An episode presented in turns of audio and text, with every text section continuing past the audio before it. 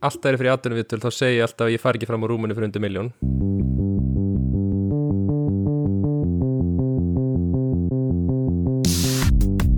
Halló er eitthvað að frétta?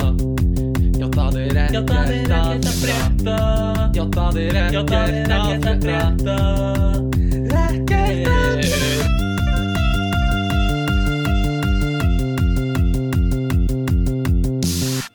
erum að bakka inn með fullan bíl af tónlist hér á FM Velkomin Guðmundur. Takk, takk er- leiðis Takk. Þetta er 58. þáttur og ekkert að frétta. Hjartanlega velkomin. Við erum, ég er í þrjusu gýr fyrir þáttin ég er með miklar væntingar fyrir þáttin uh, stór þáttur, skemmtilega þáttur. Uh, mikið að tala um mikið að Okkar gerast. stærsti líklega á þessu ári. Sennilega, við höfum aldrei verið stærri. Nei, þurfum sennilega að fara í megrun en á þessum tímapunkti höfum við aldrei verið stærri. En það er bara svo það er. Um, Jólin eru góð í það. Jólin eru, eru besti tíminn fyrir uh, svona átök. Uh, vinna. Við erum komnir á vinnumarkaðin báðir. Ég er búinn að skila að mér, verja uh, gera árás. Það sem mér finnst erfiðast mér fannst ekkert mál að verja. Mér fannst meira mál að gera árás Masters árásin Já, já, já. Og þú veist að bara koma með vopn og eitthvað svona. Þannig að ég er búinn að uh, ráðast á líka. Um, gekk allt vel. mjög vel gekk mjög svona uh, vel. Uh, skemmtileg upplifun mastersvör og að verja og þú veist að gera þetta líka allt á netinu og Já. allt svoleiðis. Bókstælega moment þess að þú séð þú veist fólk er að tala um COVID og allt sé online og það er svona að gera grína því að loka tölvunni sinni þegar það útskrifast. Mm -hmm. og ekkert meira. Einmitt, einmitt, Það það er basically það. Já, er það er ekkert champagne champagne. Nei, Nei, það Nei. er bara loka tölfunni og opna, Skrýðið í rúm. Já, skrifa upp rúm. Eða eitthvað, opna YouTube. Uh, Ég kláraði semst fyrir tveim dögum að verja reitgerina mína sem heitir Robust Reinforcement Learning Agents with Successor Features and State Obstructions. Wow, og ég fann bara uh, ég var með ógeðslega mikið efni sem ég vildi fara yfir og ég var bara, tunga mín var bara á miljón bara and then we have Já. to do this and then voru, og ég var bara bara að tala eins hratt og ég gat. Um, og það var svona lekur ofta orðin svona af tungunni. Um, uh, en ég held að þetta hafi gengið bara mjög vel sko. Mm. já. Mér fannst sko á útskriftinni þá tók ég eftir einu sem ég fannst svolítið áhugavert. Já, þú sem sagt, Við þú erum með ert, þú ert í Hollandi. Já, Ertu ekki að tala um útskriftunum sem þú varst á fyrir tveim dögum? jú, Aðtöfni, þú, þú varst semast í útskriftur aðtöfn fyrir tveim dögum. Já, ég fór í útskriftar aðtöðuna að taka við Mhm. Einmitt. og hérna það sem ég fannst svo ávart að taka eftir var ég áttaði með á því hvað okkar rítgerðir mm. eru ógeð, þú veist, ógeðslega leðilegt efni. Já, það. Fólk var með alls konar eitthvað svona analysa sleep pattern eða Já, eitthvað svona health eitthvað, mm þú veist að optimæsa ferla á hérna á spítulum, eitthvað svona svona ríl áhugavert. Og okkar titlar voru bara við hljómið með svo leðilustu manneskir í heimi. Án joke sko. Og bara eitthvað svona starffræði mauk sko. Uh, Já, ég get alveg vel trúið því að, að hérna við séum með sérstaklega, já, titlanar okkar. Þú veist, ég lendi í því ég var með pródómara örgulega bara mjög og bara mjög klár kona einhver dokt, postdoktor sem kemur og, og sem þriðji svona pródómari hjá mér Já. Þessast, tvei leifendur og svo kemur hún uh, en málega er að hún veit ekki neitt um uh, semast, semast greinina sem ég er að vinna í sem er svona Já. partur af gerfigreind þú veist og, og hérna bara eiginlega bókstaflega ekki neitt þú veist það er svona það kom svona á tímbili þá þurft, þurfti maður að fara út í að útskýra fyrir henni eitthvað sem er þú veist bara eins og fyrir starffræðing þyrfti að útskýra kúlunit eða eitthvað, ég veit ekki hversu góð líking þetta er en þú veist, já, já, bara svona, bara svona mjög basic hugtök sem hann var ekki að ná.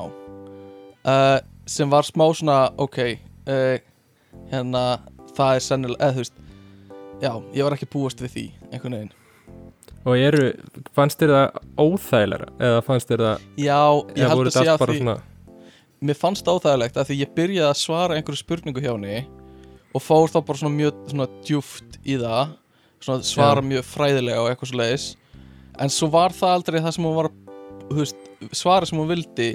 Þannig ég vann mig alltaf upp og upp og upp. Þá til ég var komið bara í mjög high level útskýringar bara á einhverju basic hugtökum. Þú veist, já, já, þannig að það trublaði einhvern veginn smá svona hvernig ég var að svara. Bara, já, Q-learning. Þú þarfst að vita hvernig Q-learning er sem er bara eitthvað svona basic hugtök já, uh, sem var og já, það var líka það sem ég var svona sem svona helsta kommenti sem ég fekk var bara, þú veist, mjög góð rítgerð fyrir fólk sem sem er að vinna í þessu og er í bransanum og eitthvað svona. En, en ekki eins skiljaleg fyrir fyrir hérna fólk sem kann bara svona basic tölunafræði já, já, já. En, annað, ég er bara, ég er smá að venda hérna.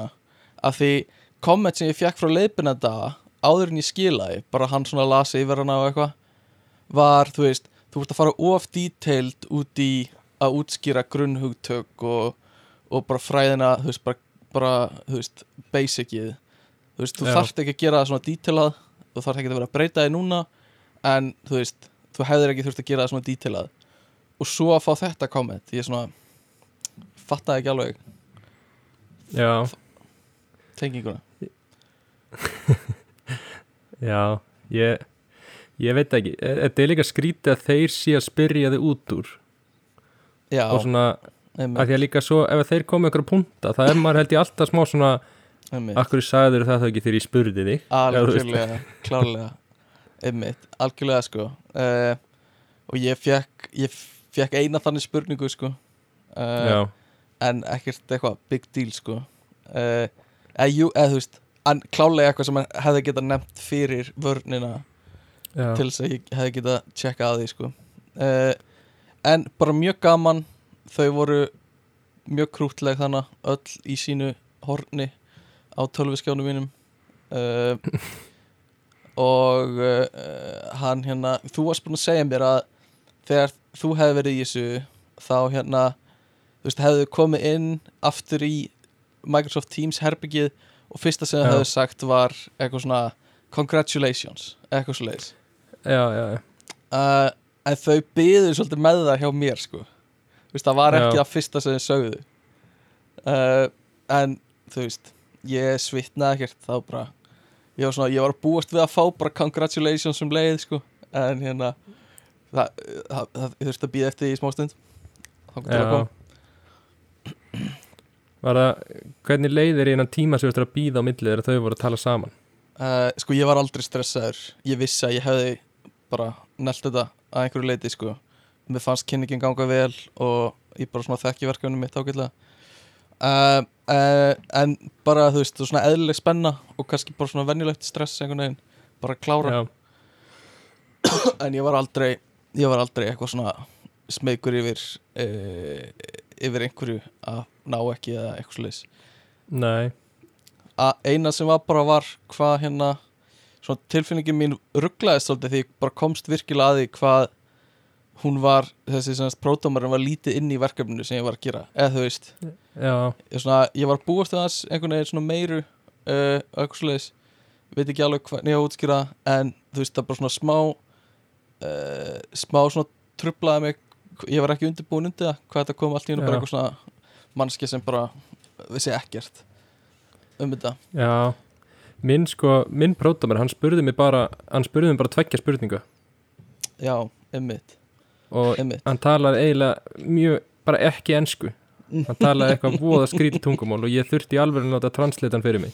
Sem er svo erfitt sko. Og hann held ræður líka á útskriftinni og hérna, ég skildi ekki orð. Ég skildi ennþá ekki orð. Æj, æj, æj en hann Og- spurði bara um eitthvað sem hann vissum já, spurði mig bókstæla út í eina grein. Já, og ekkert meir. Bara ein grein, ekki greinina mína heldur bara spurðum út í eina grein Já. sem var bakkarandi á minni. það er mjög fyndið uh, sem, er, sem er alveg bara sem er gott, ég fekk nokkra spurningar uh, frá þessari sem var hjá mér. Um, en bara svo fekk ég spurningun eitthvað svona hvað, hvað finnst þér að vera búin að læra af, af hérna Já, ég fekk það líka. á þessu tímabili eða eitthvað svona af þessari reynslu og ég fó bara í úf, hvað er ég ekki búin að læra maður? Og fór bara í eitthvað svona Ó, rosa guð minn djúpt, góður. djúpt svar. Þú tókst leikina Já, algjörlega sko. Um, En hérna Já, bara mjánaður að klára Og ég sagði þeim að við ætlum að fara allir í bjór saman Þegar ég kem að heimsækja þig til Hollands. Já, Og þeir voru meira en til í það. Þeir sagði sæll Þið ætlaði að sína okkur hvernig Íslendingar tjamma Hann sagði Já. þetta bókstæðlega Hann var búin að læra þessa setningu á íslensku. Hann sagði þetta á íslensku. Nei. Það ætlaði að kæna okkur hvernig að jamma á Íslandi Sagði hann sko. Já, hann líka sagði í ræðinu um mig. Mm. þá var hann eitthvað já. Og, og ég áttaði mig á því að Ísland er miklu nær heldur en maður heldur. Nei. Jú, Ha? já, Hva, hvað þýðir það? ég veit það ekki. Hann vildi skilja mig eftir til eitthvað sem ég bara hugsa allt lífið mitt. Nú þarftu að að leggjast yfir þessa setningu. Já, Hvað þýðir þetta? Að Ísland sé nær Kannski veit hann eitthvað sem við vitum ekki. Uh, Sko.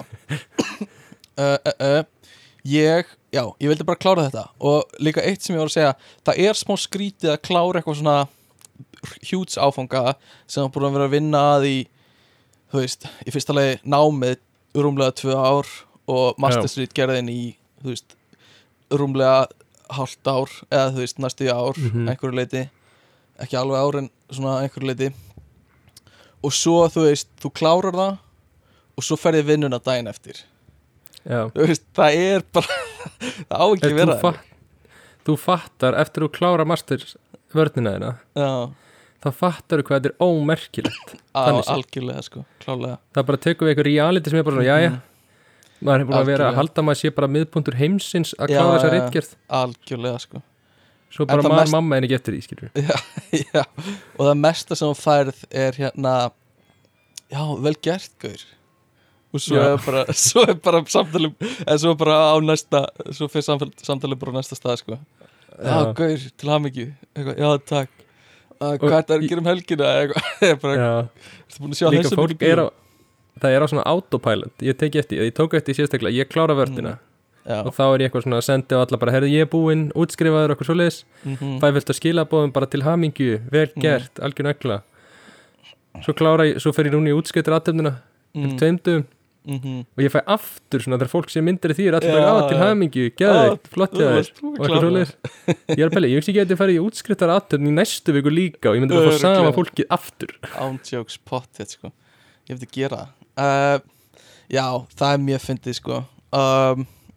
Og að vera komin bara í einhverja rútínu og, og hérna byrjaði bara að vinna sem er náttúrulega efni þáttarins í dag að vinna.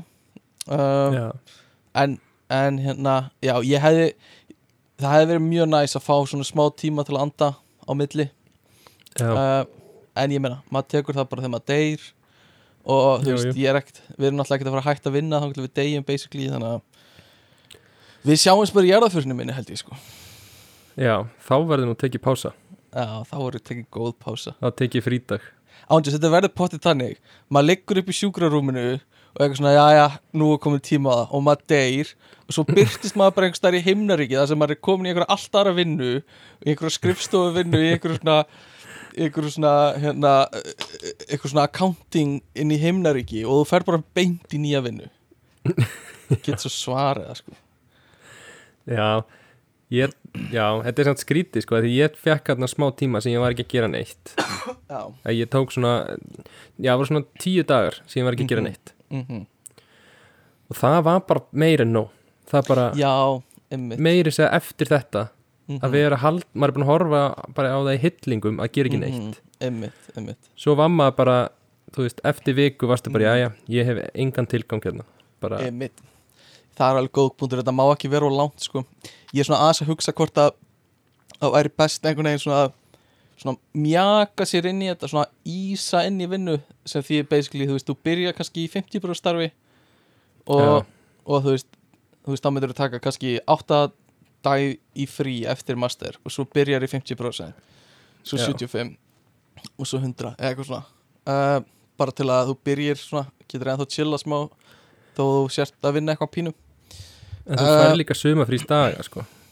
Já, emmitt, emmitt Þeir eru Gerir snilt uh, herðu, það eru nokkru hluti sem við ættum að tala um. Það er í fyrsta lagi uh, er hérna, erum við með í lokþáttarins ætlum við að sína ykkur lag sem við vorum að gera.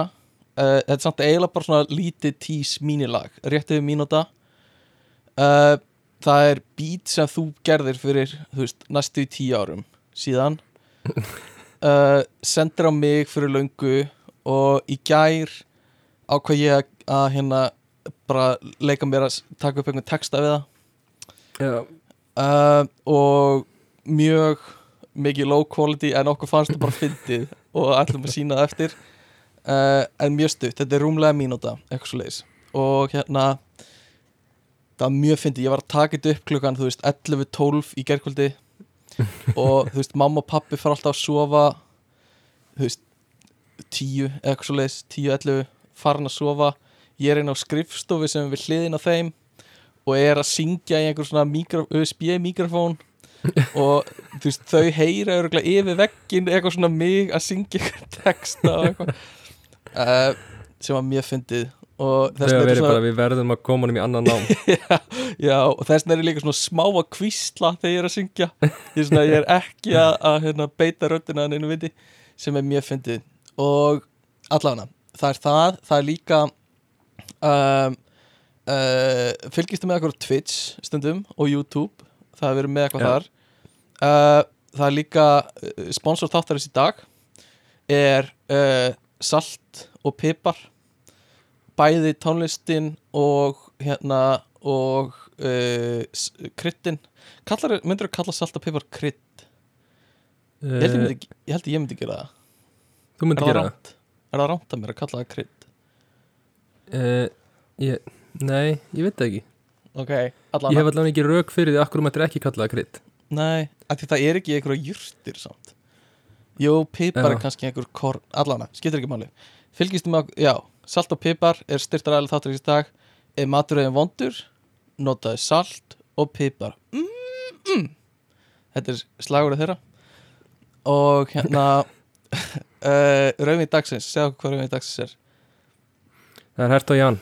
Hert og Jan, bjórin uh, uh, Vínið uh, uh, Dýrðin Hert og Jan Allana, mér langar að koma þessu út Áður en við heldum áfram uh, Ert þú með eitthvað sem þú vilt tala um? Annars langar með að nefna eitt? Uh, Nei, gottum með þitt. Endalist uh, Allana, heim, heimurinn minn opnaðist svolítið mikið núna Eftir að ég útskrifaðist. Ég er búin að vera að hérna fresta öllu Þangur til eftir útskrift. Ég er búin að vera ekki að gera neitt og eitthvað. Uh, En ég fór í bíó um daginn.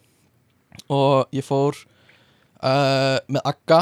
Ég og Aggi fórum í bíó Og hérna ég, Við vorum að kaupa uh, Svona eitthvað Í hana sjoppunni og ég sá eitthvað sem ég held ég myndi aldrei sjá en það var eitthvað svona gæi sem keifti kandiflós í svona tunnu og, og hérna og keifti líka eitthvað svona karamellu pop í tunnunni sem er hann ofan á namminu hmm. hver, Já. þú veist, hver, ég hef aldrei séð neitt kaupa þetta. Ég vissi ekki að neitt myndi kaupa þetta. Og hvað þá bæði? og hvað þá bæði í einu? Og þú veist ég, já, mér, mér bara mér er aldrei dottið í hug að kaupa þetta ógíslega, þú veist, þryggjára gamla pop sem situr hana upp á í tunnunum. Og hvað þá með kandiflossi sko ég er, En er mi- ek, ég, ég fíla ekki kandifloss til að byrja með. Mér finnst það ógíslegt þetta er basically eins og að borða sigurmóla með litarefni uh, og, og hérna og þú verður svo klístraður og já, eitthvað svona, þetta er bara ég skildi ekki sko ég skil ekki neitt við þetta ah, Nei. veist, Við þurfum eiginlega að fá eitthvað svona kandiflossmann til að Já. útskýra þetta já, Ég held já. að þetta sé eitthvað svona sút og tilfinninga því þetta er svo skemmtilegt Þetta er svona eitthvað, Já. eitthvað ský einmitt, það, er skemmtilegt á svona 17. júni að fá einhvern svona stöng með kandiflossu ofan á en úr tunnu þú veist, færið þér en ok, ef þú færið stöng Já. Grefur þú hausinn í stönginni eða tekur þú svona með puttunum af? Á ég bara fæ mér ekki. En ef ég myndi fá mér myndi ég klálega að nota puttana sko. Nú er það, ég held það sko. Ég held þú sé hinn sko. Hva, hvernig gerir þú að býtur þá? já, ok, ég meina sumir er eins og ég og sumir hafa rátt fyrir sér og það er alltaf leið uh, ég vil segja eitt í viðbót að sætin sætin í sal Oh A. í Álfabakka bíónu uh, það var það voru mjög þröng. Ok, takk. Já, það kom svona ég settist hún í það og ég pásaði svona á veist, á handföngunum á sátan, sætanum sem eru við hliðir, hliðin á. Nei, ég svona stoppaði þar og þurfti að svona þrýsta mér onni til að nei. Og hvernig gekk að standa upp svo? Uh, það var líka í svona tveimur holum ég stóð upp, stoppaði hann á á, á hérna handföngunum og svo að þurfti ég svona? Spinna mér upp. Þannig að þið með endilega að taka sætin í gegn. Uh, allavegna uh, þetta var bíó, bíóferð. Uh, er eitthvað eitthvað að frétta hjá þér? Bara lífið gengur sinni vana gang? Já, ég er bara að vinna. Mm, já, það er bara svolítið mikið basic núna. Ég ætlaði að fara í ferð núna um helgina. Já. til Vín vín, já, kekja en, en það hérna gengur líklega ekki upp. Nei, er það út af samkomutakmarkonunum sem er út í það uh, já, það er eiginlega út af sóttkví ég ferðarfélaga mínum. Já, ég skil ég skil, hann, hérna, það er náttúrulega svolítið mikið af, af, af einhverju takmarkunum hann út í Hollandi eins og um mörgu stöðum bara. Uh, en kærastæðin gerði eitthvað sem við rættum að gera en gerðum ekki og það er að fara á einhvern heitan og næs stað og já, fara að vinna þar bara og læra þar remotely. Sem er bara geggjuð öfundsjúkur sko. Já, geggjuð hugmynd og við hefðum átt að gera eitthvað svona en þú veist já, að hún fór bara til Portugal við vorum að tala um að fara til Gríklands eða eitthvað. Og bara og, og fara og læra bara þar. Hún leiði bara eitthvað hús og eitthvað. Við líka sko aðal flugvöllurinn er hérna í Eindhoven aðal flugvöllurinn ef þú ætlar að fá ódýr flug eitthvert já, þá flýgur frá Eindhoven. Já, ok. Einmitt. það er að því að Ryanair já, er það já, já og einmitt. það er nefnilega sko já, þannig að við er í rauninni alveg synd á þeim tíma sem við vorum með þarna að við höfum Mm. ekki ákveðið einu sinni án jokes, að taka eitt lítið flug eitthvert Já. annað heldur en algjörlega. Það uh, hefði verið ódýrar en lestin til Amsterdam.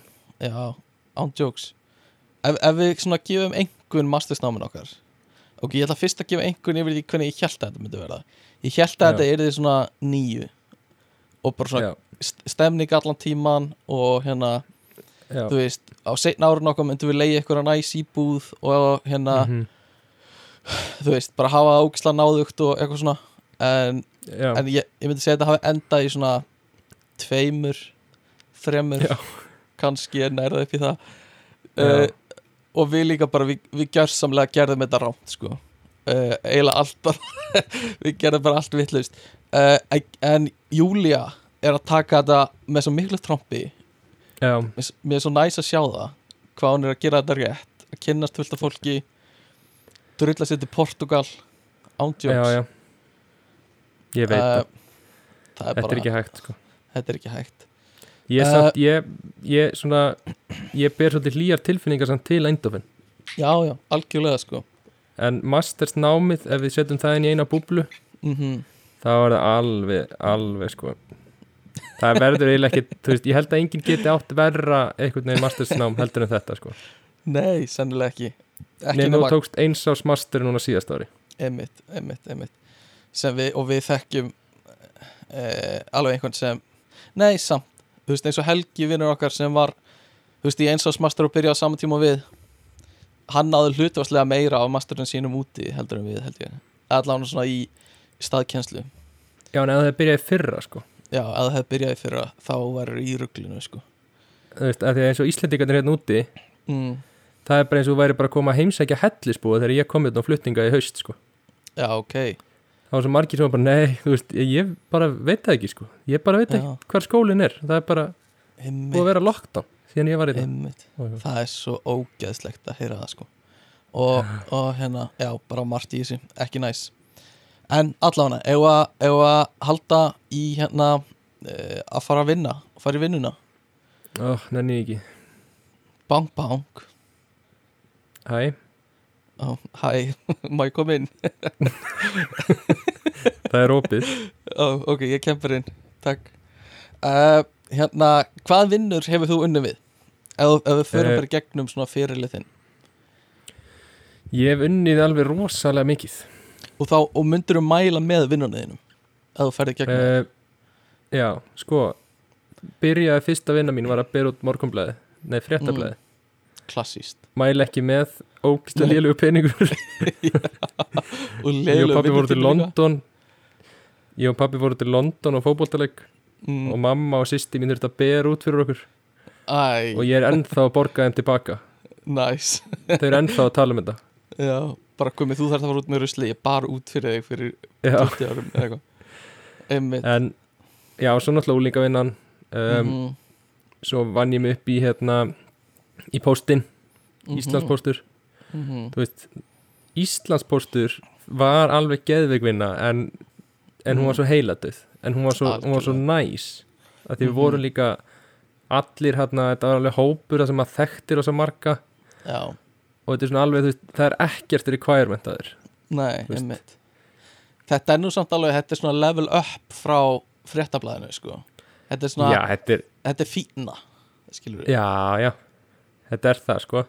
Mm. en líka, þú veist, það er, það er svona stemmingin í póstinum að þú ert líka það er svona talað við þig þannig að þú ert byrjar að trúa því að þú sérst í alvörinu rosalega mikilvægur þáttu þú veist, Já, það er verið að tala um þessi bréf, þú veist, það er sagt skilur, ef þú ert með svona bréf sem eru með vegabrif inn í, já, þá ert þú að fara að tryggja það að fólk komist í fríið sitt. Skilur, þetta er svona Já Er mikil eða þú verður að skilin einhverju reikningum, einhverju innheimtum og eitthvað svona því annars sé viti fólki getur að borga. Og þú veist, þetta Já. er svona smá köld sko. Já, ymmit Já, ymmit, ég get séð það. Ég, líka, þið voru líka ansi sko, þið tóku nokkuð sumur þar sem þið voru að vinna í pósturum, ég man eftir því. Já, og þetta var ekkert það var ekkert kannski brjála álag á okkur oft, svona inn á milli. Svona af sögunum sem maður heyrir. Nei en þetta var líka að, þú veist, kröfunir er þannig, það vinnur náttúrulega fólk aðna sem lappar sko ógeðslega hægt. Mm Ymmit, sem þýðir að við sem ungir strákar Mm, getum farið þarna borið út það sem er krafist af okkur að gera á áttatímum, getum við gert áskilur tveimur tímum ymmit Já, já, og ef þú komst tilbaka þá fegst alltaf bara meira. Þetta er bara að taka ykkur Mm. rest sem ykkur annar skildi eftir. Ymmit sem, sem þú græðir ekkert á þannig séð sko. Nei, Nei, ekki neitt. Þannig að, þannig að það var svolítið bara taktist, bara þá bara Já. ertu lengur. Einmitt. og þið voru eins og ég skjöldar rétt þá voru þið alltaf með þá byrjuðu þið að, að fara upp til sækjapostin sem þið voru að bera út og voru og svo flokkan bara sko. já, flokkan og svo ringdu þið bara í alltaf kon annan og voru bara Já. með bara í símanum og voru Já. bara að spjalla allan tíman þegar þið voru að bera út. Já, algjörlega. Og svo eftir mat var oft lögn var það ekki? Það var aðeins lagt sig. Það var lagt sér sko. En það var geðveikt sko. Það er náttúrulega bara geðveikt fyrir þennan tímapunkt mm, mæli 100% nei, farið bara í vertu Einmitt. með lægstu laun sem hægt er að fá já, og vertu bara ógislega þælur og heiladöður yfir mhm, sumarið. Einmitt. já, það er bara mjög snið þú færðu líka og góð er, já, og góð hreyfing. Það er líka gott að fá bara að vera aðeins úti yfir sumarið sko. Sérstaklega þegar þú ert, þú veist bara, ok, ekki sérstaklega þegar þú ert ungur heldur bara alltaf, er það næs.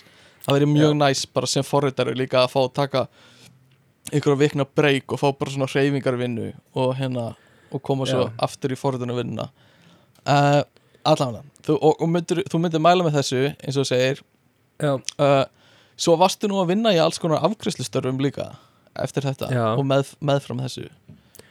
Já, næst var 10-11 ymmit, kongurinn í 10-11 ég myndi ekki mæla með 10-11 fyrir neitt ok, bara, það var al alveg klárlega leiðilegsta vinnan sem ég vann mm en hljómaði ógislega næst því ég fekk hana að þú fækst skilur helgakaup og þú vannst bara á lögat og sunnudag aðra hverju helgi og fekst bara freka fína Mhm. pening fyrir þann tíma. En alveg ógeðslega leðileg, leð, vinna. Já. hefði Eh, ógeðslega næst ef þú hefði mátt verið í tölvunni og eitthvað svona en nei það var bara að fylgjast með þér í öryggismyndarum að þú stæðir við kassan þó það verið tóm búð. Úf, það er svo ógislegt sko. Uh, En maður veit líka, þú, þú fjækst það að kynnast í líka svona, hvernig típur eru með þér að, eða svona, hvernig típur eru að vinna í 10-11 er það ekki? eins og nætur hérna, gæðin sem var að vinna á nætuna hvernig var það? stittur liði Stittur hlið Stittur hlið? já, geðveik veist, hann var svona algjör, svona algjör tappi Mm, og lífi hans var bara að vinna nóttunni svo fyrir hann í rektina beint áttamótnana eftir vinnu. Um, svo sefur hann á daginn. Næs bara þetta verður ekki betra. Ég bara get ekki ímyndið mér neitt betra. Svo hann fannst það bara geðveitt, hann var bara high in the sky sko. Einmitt, og svo, þetta, er svo finn, þetta er orðið svona frasi hjá okkur í vinnuhópnum að hann kemur einhvern tímann inn í búðina og, og segir við þig stittur hliði eins og það sé að heilsa þér eins og þetta sé eitthvað frasi eða eitthvað svona, eitthvað svona töffara frasi eitthvað svona blessaði Já. og hérna en þá var hann ekki bara að meina eitthvað svona nefnir að, að laga hérna hliðið sem fólk gengur innum með eitthvað svona jú, hann var að meina veist, svona öryggisliðið. Já, að þú getur svona stitt og lengt þú veist, er svona sem opnast og ítir á það. Já, já en, þú getur En þið voru stitt ekki- og lengt það. Já, þú veist ekki að tengja strax. Það var bara, hva, hvað segir þú? nei, ég var bara í kortir átt að maður hvað myndi Já, já, stittur hlið, það er svolítið snið Ísland er stittur en þú heldur. Stittur hlið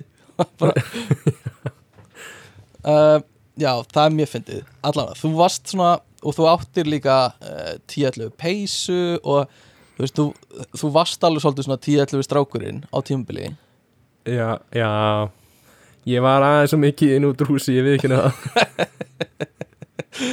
Hvert er þitt teik á, á að fara í svona merch vinnufötum eins og þetta, og þú veist, þú fara í postpeysinu og eitthvað svona, er, er það alveg myndur þú gera þannig í dag? ætlar að spyrja mig í dag eða eða þá? Veist, í dag bara nei, aldrei. Nei, einmitt, einmitt. Bara þó að þetta vinni í einhverju töff bara nett, bara Mm. Google, ekki verið í Google peysu skilur Einmitt, einmitt. Já, ég held ég geti verið sammála því. Allána, hvað hva tekur svo við? Þú ferð Er og svo- uppdeitar uppdeitar þetta. Já, þá fer ég í kjötkompani. Einmitt, einmitt, einmitt, einmitt. Og þú hefur lært þar mikið held ég. Já, það var svona alveg klálegast svo vinna sem ég lærði mest í sko. það var svona, mm, þú veist það var skemmtileg vinna það var mikið af fólki uh, á mínum aldri og líka mikið af svona, þú veist, kokkar mm og þjónar og Mhm. kjötiðna menn, þetta er alveg svona alveg sér bara svona búbla. Já, þetta er alveg sér menning. Algjörlega. Og maður hefur heyrt ofta í svona eldhúsum og eitthvað svona, það er alveg svona sérstök svona stemning og menning, smá svona gaurastemning einhvern veginn. Alg, bara, nei, bara mesta gaurastemming sem þú getur ímyndaði sko. ég held að þetta sé versta mm. gaurastemming sem þú finnur. Já, einmitt og mikið verið að svona uh, já, var mikið eitthvað svona uh, ég veit ekki hvernig, hvað ég á að segja. Svona að þú veist verið að einhver svona montsögur eða var bara hvernig fólk var að tala eða hvað var það var bara farið yfir bara allt tengt kynlífi og slagsmálum var bara einmitt. rætt. Já, já, já, einmitt, það er svoleiðis.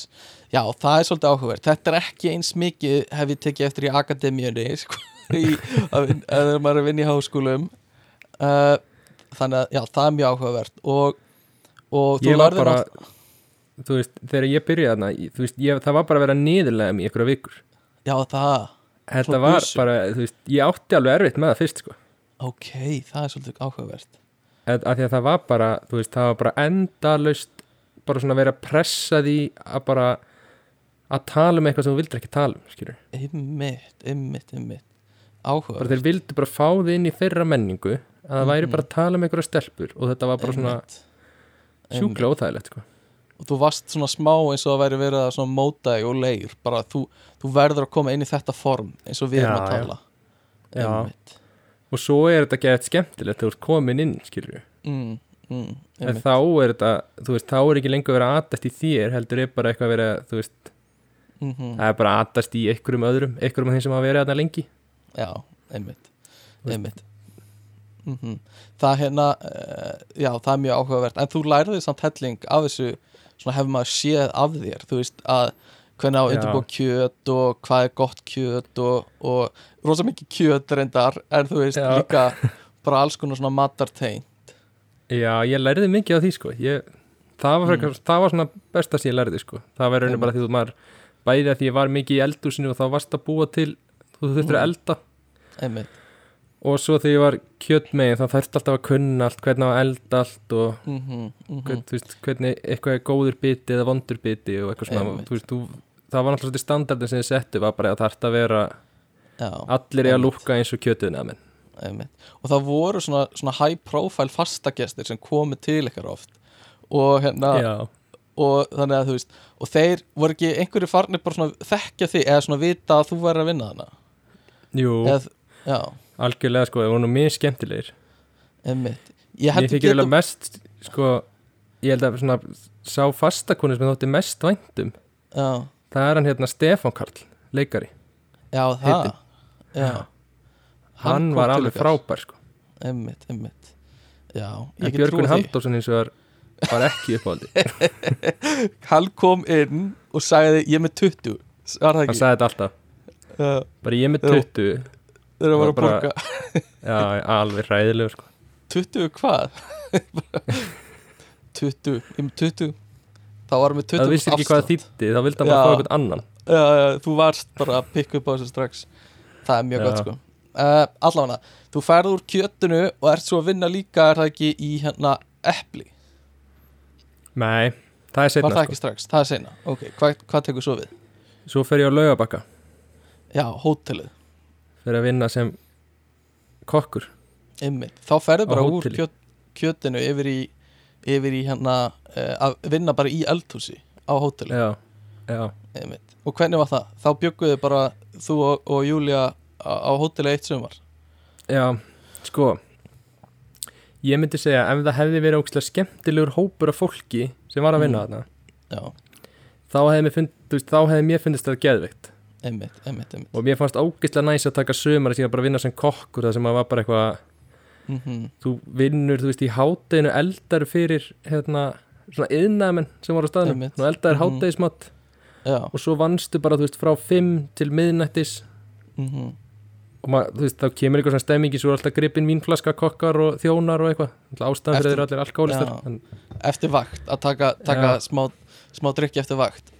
Einmitt þannig að það var skemmtilegt en fólki sem ég var með var, það var bara svona, ég tengdi ekki alveg við alla. Nei, nei, nei. Það er bara oft þannig, sko. Alveg klálega og, þú veist fastur með þeim þú veist, þú ferð Já, ekki já, einmitt. Og það skiptir bara miklu máli, sko.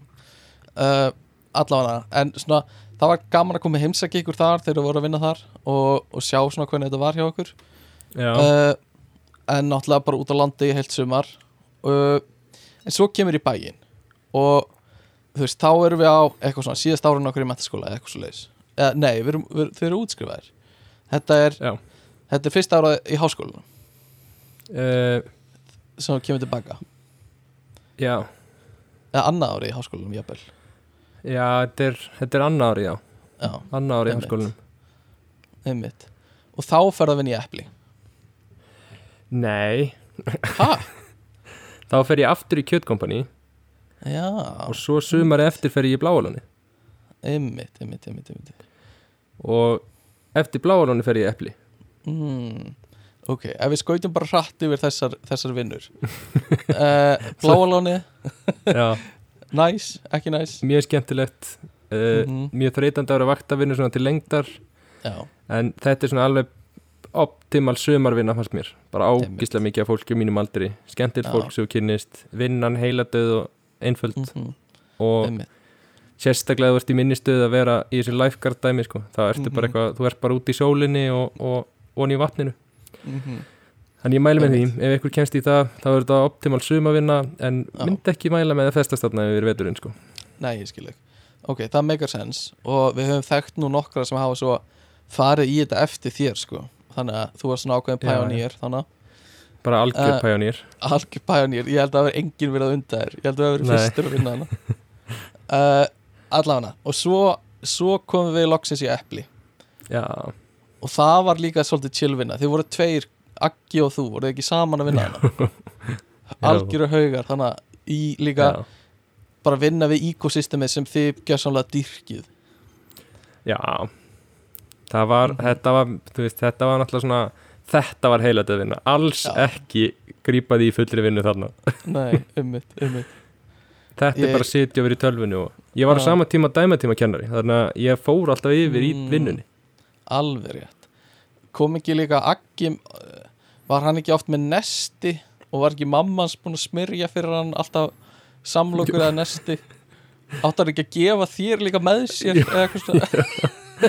smurði alltaf verið mig líka bara kókumölkur samloka með tungfisalati það er mjög kjút uh, þannig að það hljóma mjög vel. Allavega, svo, hvað gerist svo?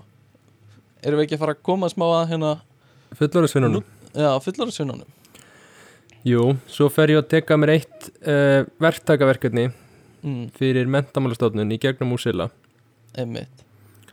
Og það er mánuður og svo fer ég til Sviss. Mm og vinn þar yfir sumarið Já, þú vinnur við að forrita robota í Sviss fyrir vínegrur sem er bara eitt mest töff verkefni sem ég hef bara heyrt af sko. Uh, og þú veist einmitt ha varst hakkaður serveriðin sem settur upp var hakkaður og eitthvað geggja, geggjaða sögur þar. Rosalegt sko. Mitt uh, uh, ég er líka ennþá sko ennþá að vinna við það. Já, þú ert ennþá eitthvað fyrkt í því.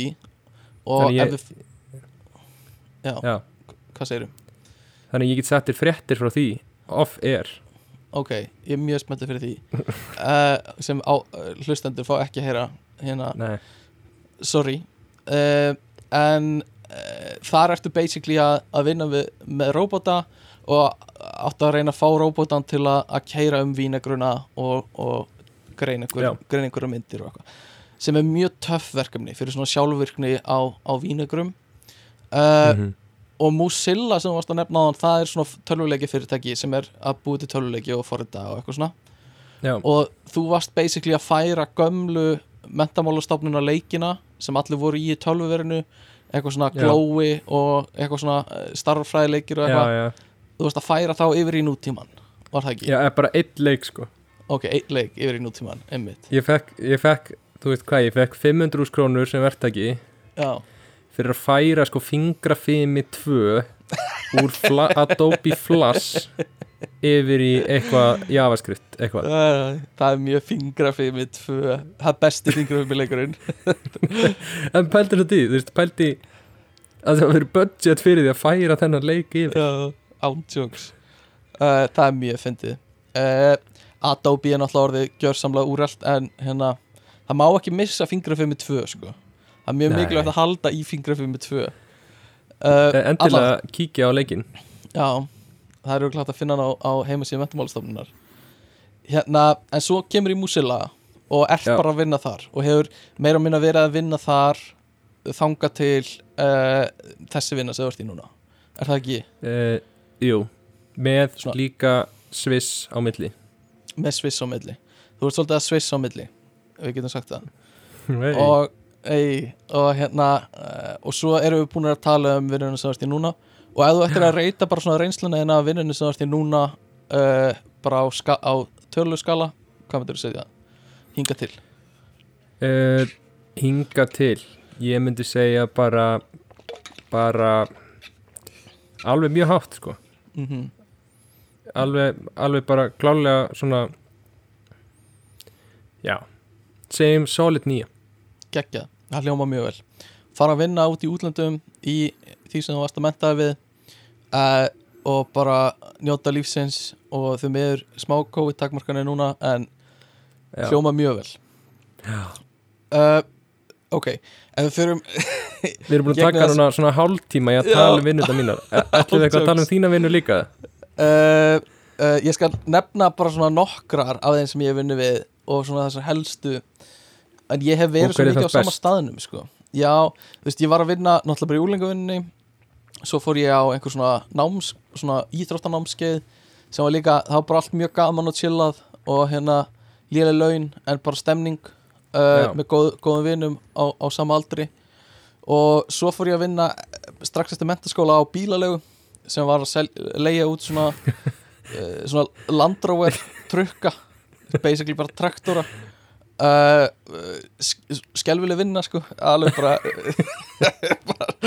alveg bara Þú, drafna sko. innan Þú á þessum tíma að vera í þessari vinnu Þú varst svo out of place. Já, já, já, þetta var og að þetta var bara eins og að kasta svona mjög rauðum lit í svona veist, ég passaði bara ekkert inn í, í hennan hóp. Og þú veist, það er svona kalla kallar sem, þú veist, höfðu mikið áhuga bílum og þú veist, ef við fórum út og, og ef við fórum út í hátteginu eitthvað að borða þú veist, þá var keift eitthvað í bílalúum og svo til þess að hafa gaman fóru þeirra rúmt um bílasölur. Og ég bara tengdi ekkert við þetta. Bara ég, ég, fann, ég fann ekkert þú veist, enga, ekkert skemmt eða þú veist, spennandi við það að fara á rúmt um bílasölur og að horfa ykkur bíla. Uh, en þetta var svona það var svona það sem ég var að vinna við en allt fínt fólk sko. Og alls ekki alls ekki einhver svona leiðilegi gaurar eða neitt, við vorum bara á svo allt annar pilgulengd. Já, uh, vinnan var út í raskati ég þurfti að taka strætó og þeir voru bara strætó, átti ekki bíl? Og ég eitthvað, nei, ég á ekki bíl. Og þeir bara, hvernig er hægt að lifa og ekki eiga bíl? Þú veist, það snýrist bara allt um að eiga bíl þegar maður var þarna. Á hverju eh, og- driftaru? Já, á hverju driftar það þá? Ég er bara á hjólinu mínu. Uh, en hérna uh, og líka bara, þú veist, ég var að þrýfa bíla basically 80% af vinnunum minni sem er líka Já. bara ógæðslega leiðileg vinna. Og ekkert litla Eh. bíla, þetta var bara, þú varst bara að þrýfa gameskip. Já, já, já, að bara klálega sko. En svo þú veist, eitthvað var maður líka, fór á einhverja helgavaktir og bakvaktir og eitthvað svona og það var alltaf uh, að því ég kunni þetta ekkert og það var alltaf stressa ég myndi fokk einhverju upp og eitthvað svona. Um, en, en svona undir loksumarsins var þetta orðið næs og það var alltaf eitthvað svona já, hérna heldur þú komir aftur eða má hóa í þig og eitthvað svona uh, þegar ég var að klára og ég eitthvað svona já, ekkert mál sko, ég geti alltaf hafa sápa eða eitthvað svona. Uh, ég, ég ætlaði aldrei að fara á aftur sko, bara. Nei, vá, ég skilja eitthvað sem að segir þú komst með mér einn svona að sækja bíl. Já, við fórum í eitthvað mission upp í hveragerði. Já, já, við, við þurfum, þurftum stundum að sækja bíla einhverstað lengst út þegar við voru skildar eftir einhverstað út í raskati og ég fekk þig með mér einu sinni. Uh, En Ég allan í ég kerði hann í handbremsu alla leiðina heim. Já, einmitt. Ekki segja neinu frá því. Uh, En svo hérna Já, já, eftir það þá uh, basically uh, tók ég eitt sem Já, ég var náttúrulega, já það má ekki með glemma því Ég var að vinna í hagaskóla líka í eitt ár sem, sem Já. hérna stuðningsfulltrúi. Ógæðslega næs vinna, gefandi. Ég get mælt með því bara fyrir eiginlega alla sem eru, þú veist, sérstaklega sem eru að klára mentaskóla Já, fárólega gaman. Bara ógíslega gaman, þægileg vinna þú veist uh, bara kenna basically uh, í, námsveri og svo var ég líka að fylgja tveimur til þremur krökkum sem þurftu sérst, sér, meiri aðtikli uh, á milli tíma og bara uh, ógíslega gaman. Og já, þú veist mér, þykir mjög vænt um alla krakkana sem ég var að hjálpa líka. Bara Já. hérna yndislega, krakkar. Þá ég voru svona já, þurftu bara aðeins meiri aðtekli uh, og, og ég get mælt rosa mikið með því og fekk rosa mikið út af því. Bara læriði mikið og, og hérna go, gott að taka bara pásu hana á, þessum tíma. Uh, en eftir það þá held ég, ég man ekki hvort ég tók eitt ári eitthvað en svo fór ég bara að vinna upp í HR Nei, Veist, þú tókst að þarna Garðabæ. Já, já, já, vá, þú manst þetta betur en ég maður. Já, ég fekk, uh, ég var að vinna hjá skapandi störfum í Garðabæ basically á svona listastyrk í eitt sumar. Að hérna að gera stuttmynd með syndrafélaga mínum lærði líka ógisla mikið af því og það var ógisla gaman líka. Uh, og uh, já, bara uh, að, að skrifa stuttmynd og, og mér langar að gera meira af svona, svona verkefnum sko. Uh, þannig að, að hérna já, fekk mikið út af því. Og stuttmyndin er á YouTube ef einhver vil sjá hana. Hún heitir langt og síðan settir síðast. upp leikrit? Já, það var náttúrulega ekki vinna en já, ég skrifaði leikrit og sendi inn í handreitasamkjöfni og, og hérna, það var sett upp uh, hjá Ungleik. Það var líka mjög gaman þú varst náttúrulega aðeins í því með mér að spila á aðeins. Ég En var þú nú veist, svona að- topp fjórir aðalhlutverk. aðhlutverk uh, alveg klálega og hérna það var líka mjög gaman. Svo árið eftir það þá byrjaði ég bæði að vinna upp í HR og ég sótti líka um aftur hjá Garðabæ og var aftur á svona listastyrk. Já, og hérna var að vinna tvöfald að vinnu það sömarið og fekk mikið svona imposter syndrom fyrst þegar ég var að byrja upp í HR veist, fyrsta forrönduna vinnan og þú veist ég var eh, þú veist, ég, ég sendi post á yfirmanni minn núna sem er yfirmanni minn núna og hefur verið yfirmanni minn, yfirmanni minn alla, allan tíman minn í HR bara eitthvað svona, hæ uh, uh, ég sá ykkur á UTMS-unni þeir að gera frekar töff hluti. Eru með einhverju sumastarf og þetta er bara eftir fyrsta annað ára mitt í HÍ og kann ekki skít sko, að forrita. Já, hann fekk mig til að mæta upp í HR að spjalla við sig uh, uh, og bara eftir það spjall bara já, þú ert ráðinn hvað er bara að vinna hjá okkur. Og hérna og er bara búin að vera að vinna þar síðan og bara búin að kunna ógislega vel við mig þar og bara mjög þægilegt andrúsloft og, og ég kom Já. bara inn í teimi máltakni teimi núna sem ég er eiginlega, það er ég og ein önnu kona sem erum eftir af því teimi og svo hefur þetta bara verið að rúlla nýtt, nýtt fólk inn. Þannig að ég er svona með þeim sem hafa unnið hana lengst að einhverju leiti má því. risaðila ég er ákveðin risaðala hana þannig að, að hérna það var bara virkilega gaman og hefur að vinna upp í HR síðan. Og hérna kann mjög vel við mig upp í HR en Akademian hefur náttúrulega líka bara Akademian er bara Akademian og þú veist er, ég er svolítið spenntur líka fyrir að fara á vinnumarkaðan einhvern tímann í framtíðinni og Já. hérna komast aðeins út úr Akademíinu uh, þó, að, þó að ég fíli rosa margt við hana en ég efast um ég endi í Akademíinu mér finnst það, mér ekki líklegt. Það er svolítið famous last words, eða ekki? Já, þetta er mjög famous last words. Og þú hefur lengi haldið fram að ég endi í akademíunni bara, Já, en ég er ekki alveg á því sko. reyndar þú, þín spá fyrir mig var að í framtíðin hætti ég vinnunni verði eitthvað svona eitthvað svona sköllóttur skeggjaður gráhærður gamall kall sem fara að skrifa eitthvað leikrit sem enginn vil hlusta á eða kaupa og verði eitthvað svona gæi sem fæ stundum að koma inn á heimili þitt og segja hæfi börnin en annars á ég bara að vera eitthvað staðar út í eitthvað hotni að skrifa eitthvað svona, eitthvað svona þjóbo legend nú tvö nema með eitthvað sko þú ert eitthvað búin að bæta við þessa sögu. Þetta var nákvæmlega svona sem þú lístir í hvernig, hvernig ég myndi verða. Já, við skulum bara býða og sjá. Mm, Einmitt, einmitt, Mm. við skulum býða sjá. Uh, Og síðasta svona notable sem ég hef gert er náttúrulega að leika jólasvein á jólunum og hef Já, gert það Vá. í sex ár eða eitthvað sliðis þess að við gefum upp nein, neitt sem gerist. Það sem gerist í jólusinabúning Stays-in jólasveinabúningur. Basically, að þú pissar í jólasveinabúning þá er það bara, pissi er bara í jólasveinabúningnum. Já, Uh, ok, þannig að það er svona held ég vinnanur mínar með fullt, eða reyndar öruglega fullt af einhver svona aukaverkunum og eitthvað sliðis en þetta er svona það helsta. Uh, og það er þátturinn búinn. Þá þáttur er búinn.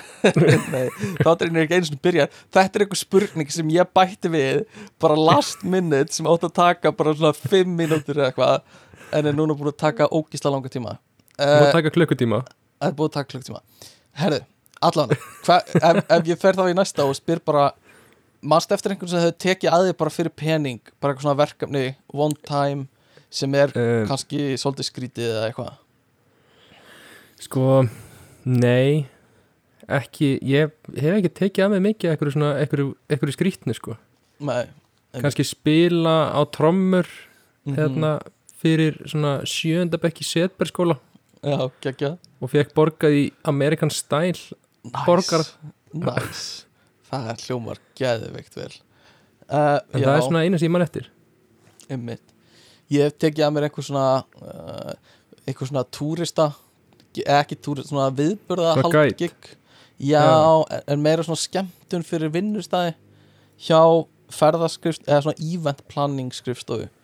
Það Já. ég, þú veist, einhver svona ársatíðir og ég er að stýra því og eitthvað svona mm uh, er með í að stýra því uh, hef allan gert það og svo þú veist já, mér dettur svo sem ekkert mikið í hug. Svo hefur maður alveg tekið að sér einhver svona verkefni eins og kenna í háskóla unga fólksins og eitthvað svona. Podcast? Podcast, ég er náttúrulega með utjálhlaðarpið uh, sem er að gefa út þætti og, og þetta að hlusta á við erum að gefa út nýja þættir núna hlaðar skí á Spotify mjög góði þættir held ég. Uh, mér finnst það allavega nýja serían uh, þannig að endilega tjekkja á því sko. Ég get mælt með því.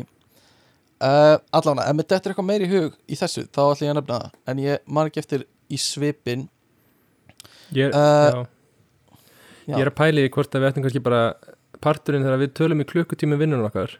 Mm, þetta er kannski bara svona hraðspól í gegnum hann. Já, um mitt það gæti gert það. Svona svona, Já. svona já, vel gert. Einmitt, við getum gert það. Um, Allana, hvað hérna heldur þú að vera að vinna við ef þú verður ekki að vinna við að forrita? Eða eitthvað tengt forritun eða svoleiðis?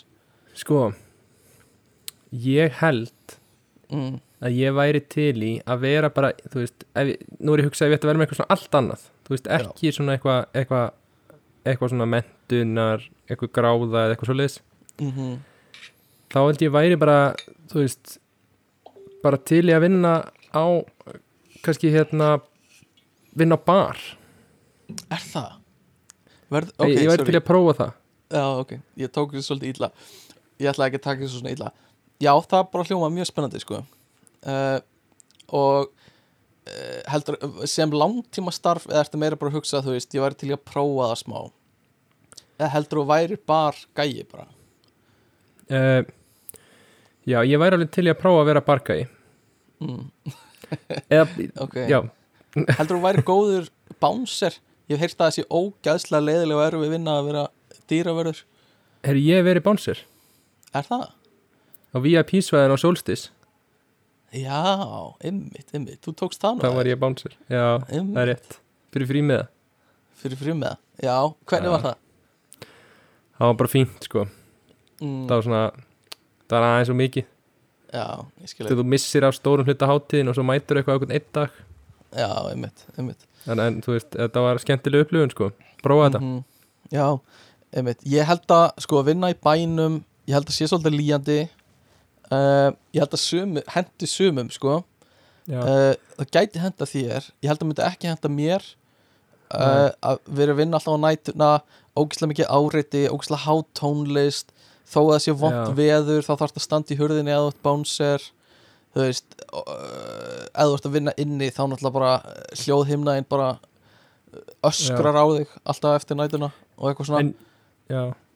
Já, ég er með fleiri sko líka. Ég, Já, ég vil heyra, heyra þína skoðuna ég væri líka til að vera gæt ok, ég, já, það. ég held að það sé næs já, ég að það sé og næs. ég væri líka til að vera bara svona eitthvað þú veist Æ, eitthvað svona, eitthvað róterast í Mm, leikhúsi eða eitthvað svona tónleikum eða eitthvað svona Einmitt. bara að vera eitthvað að tengja ykkur snúrur og eitthvað. Já, svona snúrukall með gafferteip eða eitthvað. ljósamaður eða hljóðmaður eða eitthvað svona. Einmitt, já, klálega sko. Það farið náttúrulega að vera svona viðriðin productioni sko, ég held að það sé geggjað. Og Já. bara setja þitt, þinn part inn í það sko. Við náttúrulega erum sko eins og lægið sem við sýnum hérna í lokin á þeim tíma þegar það var búið til mm. þá voru ég og þú náttúrulega bara í útgáfupartíum hjá Úlf og Úlf og, og bara alveg gjörsanlega inn í miðju tónlistabransans Já, það gleymist oft sko að ég og Gummi höfum komið í fréttablaðinu fremstir í útgáfupartíi mynd af okkur fremst í útgáfupartíi á nýri plötu hjá Úlfur Úlfur. Já, það voru allir að tala um okkur á þessum tíma sko. Það var bara já, slúðurblöðin bara mistu sig þegar ég sá okkur hana saman. Já, Eh, algjörlega sko. Þannig að, að það gleymist oft sko þetta var sennilega hápunkturinn okkar að við tveir bara Ei, viltu fara, eigum við að fara? Og eitthvað, já, förum. Já, svo bara stóðum við þannig og horfðum á brennum allt myndbandið. Geðveikt sko. Uh, ég hef aldrei verið nær bransanum en þarna. Nei, aldrei sko. Ég, svona, ég fann lyktin á honum þó ég hafi ekki náða snertan Nei. En eftir útgáfu lagsins sem kemur í endanum með þessum þætti það var og komnir heldur betur inn í, inn í bransan heldur betur. Held við getum sagt það. Uh, Já, ég hérna ég veit, sko, þegar ég var yngri ætlaði ég alltaf að vera smiður. Og það Já. var bara það var bara eitthvað sem ég ætlaði að verða og tala alltaf um það að verða smiður. Ég held að það sé Eh, næs. Já, ég, ég held að það geti verið mjög næ sko. ég, og ég held að bara eins og markavinnur þú veist, það hendar bara sumum að vera það og hendar sumum ekki. Uh, ég held að uh, þú veist, hjá sumum uh, svona eyður svolítið líkamanniðinum kannski einhverju leiti og já, kannski var það meiri gamla dag ég veit ekki hvort að tæknin hefur eitthvað breytt því í dag og þetta er svona auðvöldar og líkamann í dag, ég veit það ekki. Uh, en, en þú veist, svo eru líka bara marga til hefndur að smiðum, þú veist, húsasmiður húsgagnasmiður, trésmiður jásmiður, stálsmiður eitthvað svona, þú veist, alls konar tegundir. Uh, ég held að ég hafi bara ætlað að vera svona þú veist, almennu smiður, einhver svona yðnaðar smiður bara bubbi byggir. Já, algjörlega sko. En, en svo gekk það ekki. Það er svona, þegar maður, maður gengur ákveðli í skóla þá bara má maður ekkert lengur vera það sem maður vill vera þegar maður er krakki. Og þarf að fara í eitthvað ógíslega starffræði tölvunafræði dót eitthvað. Já, þess að þú, nú ert þú bara þú ert fastur í akademíinu út af því að þið gengur ofvel í skóla. Já, þetta er bara körs. Þetta er bara, það er bara þið skilji ekki hvað líf mitt er erfitt af því mér gengur, gekk vel í skóla þið bara skilja það ekki, ég á bara mjög bátt af því gekk vel í skóla. Uh, En nei, já, það var svona það sem ég ætla, ætla alltaf að verða. Ég get, gæti líka alveg sé sjálfum mig fyrir mér sko uh, leggja uh, svona leggja meira í að hérna eitthvað svona listatengt já, það, sjokkar. Ha, Mér finnst það allt ógislega gaman bara að gera hvað sem er sem er skapandi. Þú veist, mála skrifa, taka upp klippa, bara búið til podcastin skilur uh, og, og hérna það allt ógislega gaman og hérna búið til myndbönd og te texta og leikrit og skrifa handrið fyrir myndir og eitthvað svona. Uh, sketsa, við gerum sketsa náttúrulega í MR og þú veist, ég hef aðeins verið að skrifa sketsa bara sjálfur. Þannig að mér, mér finnst það ógislega gaman þannig að ég get séð það og veist, ég veit að ég þekki nokkra uh, nokkur sem hérna veist, fóru að menta sig í þessu og eitthvað svona og veist, þau eru all útskrifið núna sko, það hefði alveg verið gaman að fara með þeim ef ég hefði skráð mig í nám sko. Og, og hérna allt ógeðslega skemmtilegt fólk. Uh, eins og Hákon og Annalísa sem komu í, í spurningaþáttin stóru, risastóru spurningakeppnina fyrir nokkrum vikum.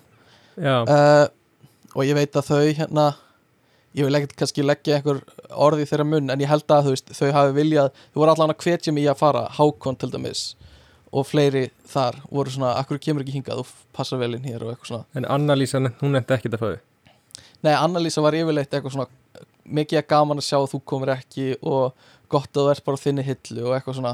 Já, og, og ringdi líka oft í mig bara eitthvað ég er svo fegin og sért ekki alltaf ég með mér og eitthvað svona. Já, uh, sem er náttúrulega bara eh, ég bara, já, sendi mér ennþá skilabóð líka, bara heimurinn Já. betri ef þú ert ekki listum og eitthvað svona, er, er Anna-Lísa er hún í allavega Þ- þau eru bæði útskrifið að sviðsöndabraut uh, og ógislega klár og hæguleikarík og Annalísa uh, náttúrulega tónlistakona og hérna in, bara indislega tónlistakona getur fundið á hann Spotify. því bara fyrir nokkrum árum mm, þá eru ég og Anna-Lísa bara algjörlega jafn, jafningjar á sviði. Já, útgeislunin bara alveg á par. Já, þau eru nákvæmleis uh, ég verð svolítið að gefa henni að hún var náttúrulega hún var búin að leika í hérna mjög stórum sjónvastáttum þegar hún var yngri. Já, uh, en þú sástu í. þú sást hvað það trublaði mig ekki neitt. Nei, einmitt. Það, þú, þi, ég, ég sá það, þið voru bara þið voru stjörnulefileg ykkar var alveg það sama hana fyrir nokkrum árum sko. það Já. bara sást sko. Veist, þetta var svona eins og Brad Pitt og Leonardo DiCaprio að hittast skilur þeir eru báðir fer- bara risar sko. og svo fyrir Líó bara í data science já, pældi því að Líó myndi allt í einu bara skrá sig í master í Hollandi skilur það er líka bara, það myndi henda bara samfélaginu svolítið á hliðina bara eins og það gerðist þegar þú skráðir þig úti það Já. bara allt á hliðina bara gummi, allar hann ekki vera áfram á sviði. Já. fólk var bara fáum við ekki sjá meira gumma spila á hljómborð? Að ekki meira tjarnabíó hefur aldrei, hefur aldrei verið eins. Nei, það hefur aldrei verið eins, það er alveg satt. Þannig að hérna já, ég get séð mig þar líka í einhver svona listatengdi og ég útiloka ekkert að það sé eitthvað stærri framtíðinu minni að gera meira því. Nennir að hætta að kinka kollu og láta þess að ég verði einhver sköllóttur gráhærður gamall kall uh, Nei, en ég samt, ég, þetta er bara svona þegar mér langar að sjá það. Mm, Mér langar bara, ég vil að þú bara svona bara, Mhm. ég vil þú gefur í einn allan að góðan séns einhvern tíma Já, já, það geti alveg verið. Og uh, það er alltaf endalisa hugmyndum í, í hausnum á manni sem að það bara klára út frá. Fá ekki Eh. prófessorar svona eitthvað svona ársfrí eitthvað, Jú, að fara, erum fastræðir fara bara að vinna í leikhúsi eða eitthvað já, sem, já, æjæjæj grei, grei líf mitt er svo erfitt. Hvað á ég að gera? Hérna, ymmit, þannig að það verður við að gera. En, ok, við skulum stoppa þess hérna, kuplum okkur út fyrir maður byrjun að reyta aftur. Ef við byrjum núna bara uh, að fara í gegnum bara hvernig er bara vinnumenningu og vinnu teng, tengdarhluti og Ok. þá myndi maður sannlega vilja byrja á umsóknarferli fyrir vinnur Gummi er búinn að sækja sér bjór tóku smá pásu nýr hertógi komin í glasið. Og yes. við, ætl, við ætlum að fara yfir bara hérna svona umsóknar, við ætlum að byrja bara uh, þú veist, við erum að sækja um vinnu hvernig er best að gera það? Uh, við með okkar glæsta starfsferil sem við vorum að fara yfir áðan ætlum að tala um þetta. Uh, það eru fáir betri en við að ræða um hvernig á að sækja um vinnur sérstaklega ég sem hefur verið um sömu vinnuna núna í mörg ár og hef ekki sóttu vinnu í mjög langa tíma. Já, uh, en þú, þú ert náttúrulega nýbúin að fara í gegnum þetta ferli að sækja um alls konar vinnur og fara í gegnum Já. viðtöl og eitthvað. Já. Þetta Og- er ógislega leðilegt ferli. Já, er það ekki? E- þetta er bara svo, þú veist, þetta er líka svo þetta er svo mikið högg á svona þetta er svo andlega erfitt Mm, að fá nei. einmitt, frá fyrirtæki. Einmitt, einmitt. og að fá svona, þetta er svo til að séu svona að vera létt verið að hætta með þér. Já, já, já, og þetta er svona sama Einmitt. höfnin og þú veist eitthvað, hérna er ég allt sem að ég er stoltur af á blaði og einhver segir, Mhm. heyrðu takk fyrir áhugan en við höfum ákveðið að ráða annan. Einmitt, einmitt. Þú ert ekki nógu góður. Þetta Já. er ekki þú, þetta eru við. Uh, all, algjörlega. Og varstu með eitthvað svona fannstu fyrir þegar þú varst að sækja um einhverja pressu? Varstu svona, ok, ég verð að fá vinnu eiginlega. Ég, ég, þú veist, ég Eh. þarf bara að ná einhverju vinnu. Eða varstu meira svona, ef það gerist þá gerist það. Um, algjörlega sko ég fann fyrir því ef að ef að hérna að því ég var að fara að vera áfram úti. Mm. þá hugsaði ég bara, þú veist, að borga leig og eitthvað, þú veist, þá bara æð, þú veist gjörsanlega að reynsa bankareikningi minn mjög fljótt. Að það líði mjög Einmitt. langur tími þar sem ég er ekki, ekki með vinnu. einmitt, einmitt þannig að svona út af því fann ég fyrir pressu sem var svona frekar óþægileg pressa sko. Og, mm en já, algjörlega, ég skil það mjög vel sko. Uh, en allavega sko, núna í dag eru allar umsóknir í gegnum eitthvað ógeðslegt form á netinu sem er alveg eins fyrir öll fyrirtæki og það ert að sækja um margar vinnur þá ert að fylla út nákvæmlega sama skjalið 15 sinnum. Þetta er eitthvað ógeðslegt form sem er hérna, sem er þú veist gerðu basically heimildaskránaðina og svo neðst er hérna uh, hengdu heimildaskránaðina við sem attachment líka. Það þetta, er nákvæmlega þannig. Þetta, er bara, þetta er svo heimskulegt uh, að öllu leiti uh, ég veit ekki af hverju þau gerir þetta kannski til að geta filterað út með einhverjum hætti bara svona þú veist, ef þú varst ef þú ert með þessa ment, þú veist, undir þessari mentun þá hendi við öllum út. Og eitthvað svona sjálfkrafa já, já, gera eitthvað svoleiðis eða ef þú varst í mentaskólanum í Reykjavík þá fyrir efst í listan þú veist, eins og er á já. stöðum. Og hérna öllum stöðum. Öllum stöðum. Nei, en það er eina sem mitt eftir í hug en annars hata ég þetta hata ég þetta blað sem þú þarfst að fylla út eða þetta form á netinu. Uh, og það segja allir. Maður hefur heyrt þetta oft, þú veist ekki, ekki bara fylla eitthvað út á netinu sendu post eða, eða mættu staðin og, og réttu þeim heimildaskránaðina eða eitthvað. Þú þarft bara að vera svolítið psycho til að fara inn í eitthvað fyrirtæki eins og Advania á móttökuborðið og segja bara hæ ég með ferilskrá. Hverju má ég Nei, rétta sko. þetta? ég hef gert þetta. Já, ok. Ég hef tekið prentað út tíu eintöka fyrirskránu minni Mhm. og lappað á milli hótela í miðbæ Reykjavíkur að fá að sækja um vinnu á hóteli. Einmitt, og hvernig gekk það? Ég man ekki eftir að hafa verið unni á hóteli. Nei, einmitt. Nefnum lögabakka Já, Labbar og lögum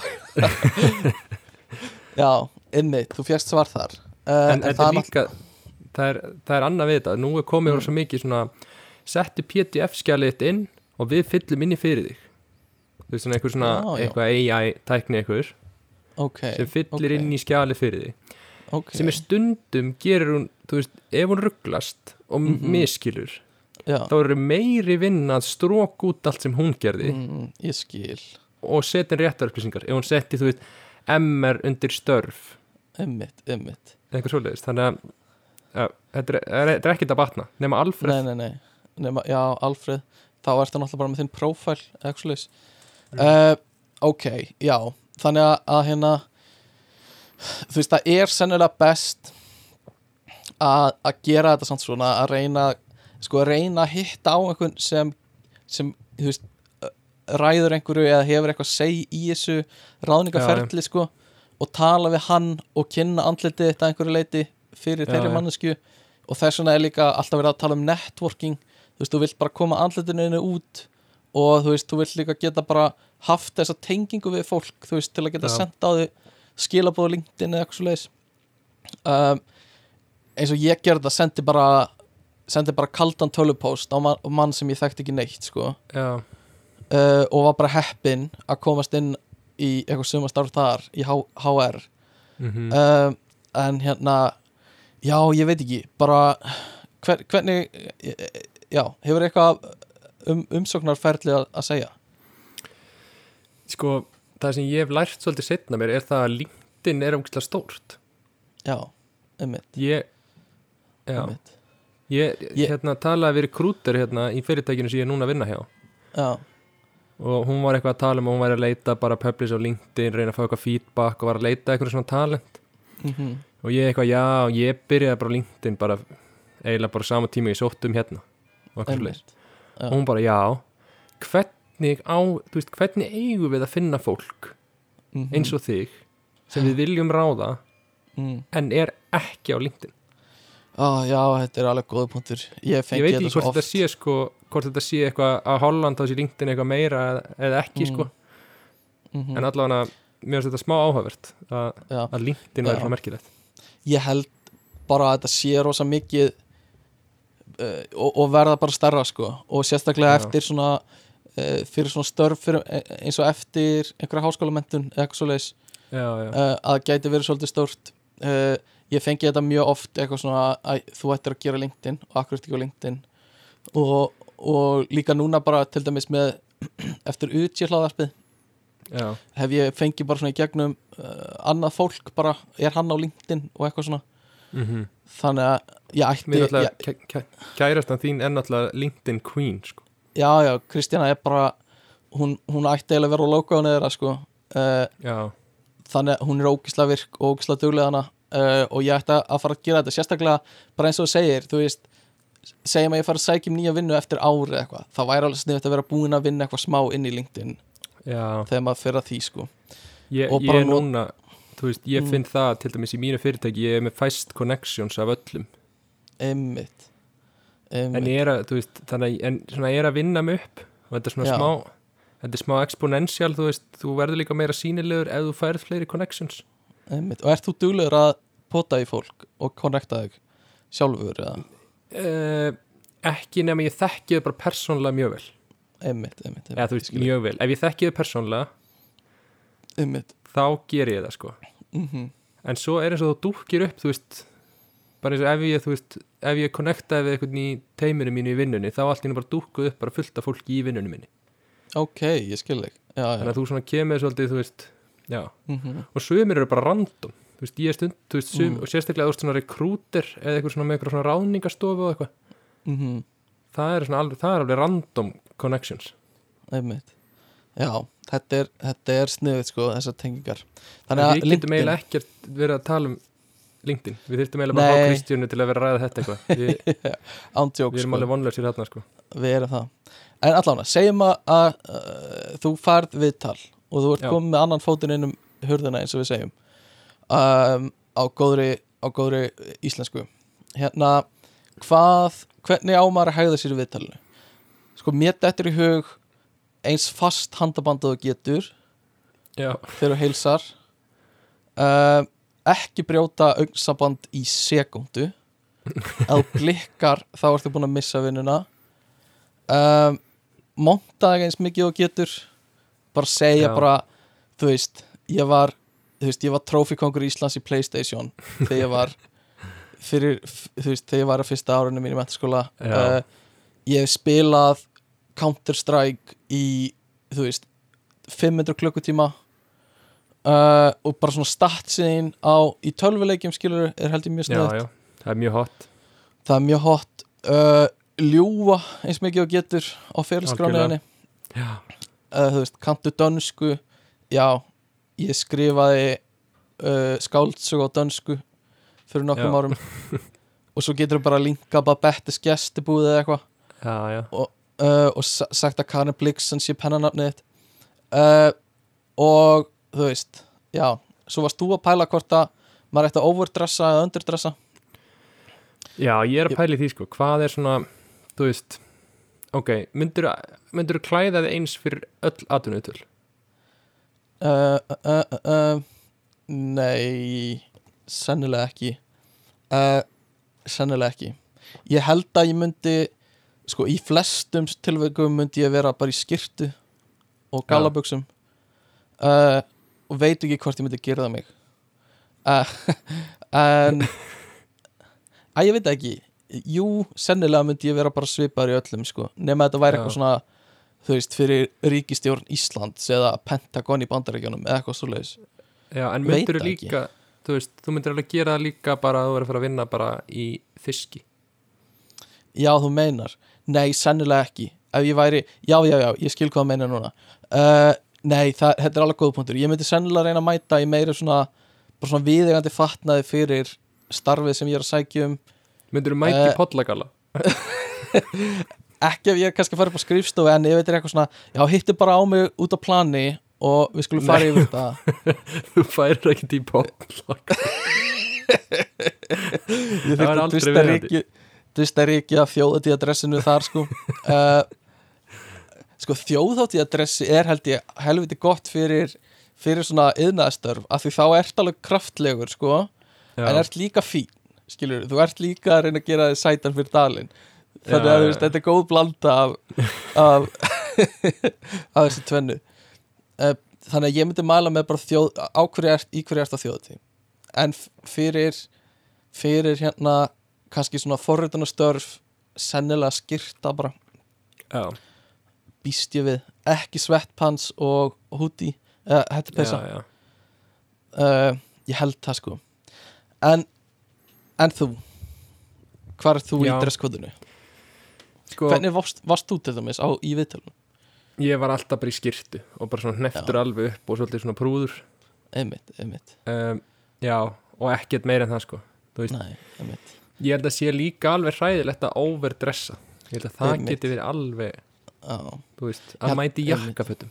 með bindi sko Já, eða slaufu, hvað þá slaufu það algjörlega sko og sérstaklega að þú ert bara í einhver svona gruntwork forröndunarvinnu sko þá er Já. alveg skrítið að mæta bara í einhverju galafötum sko um, en ok, sorry ég, ég hérna, ég var að grínast svolítið áðan en, en hvernig, hvernig viljum við díla við að koma inn í og tala við yfirmannin í fyrsta skipti þú veist, þú tekur væntalega hendina á viðkomandi eða núna tekur tekur COVID-dansinn uh, hérna, Já. uh, uh, faðum uh, g- og eitthvað svona sem allir þekkja og hérna, já, já.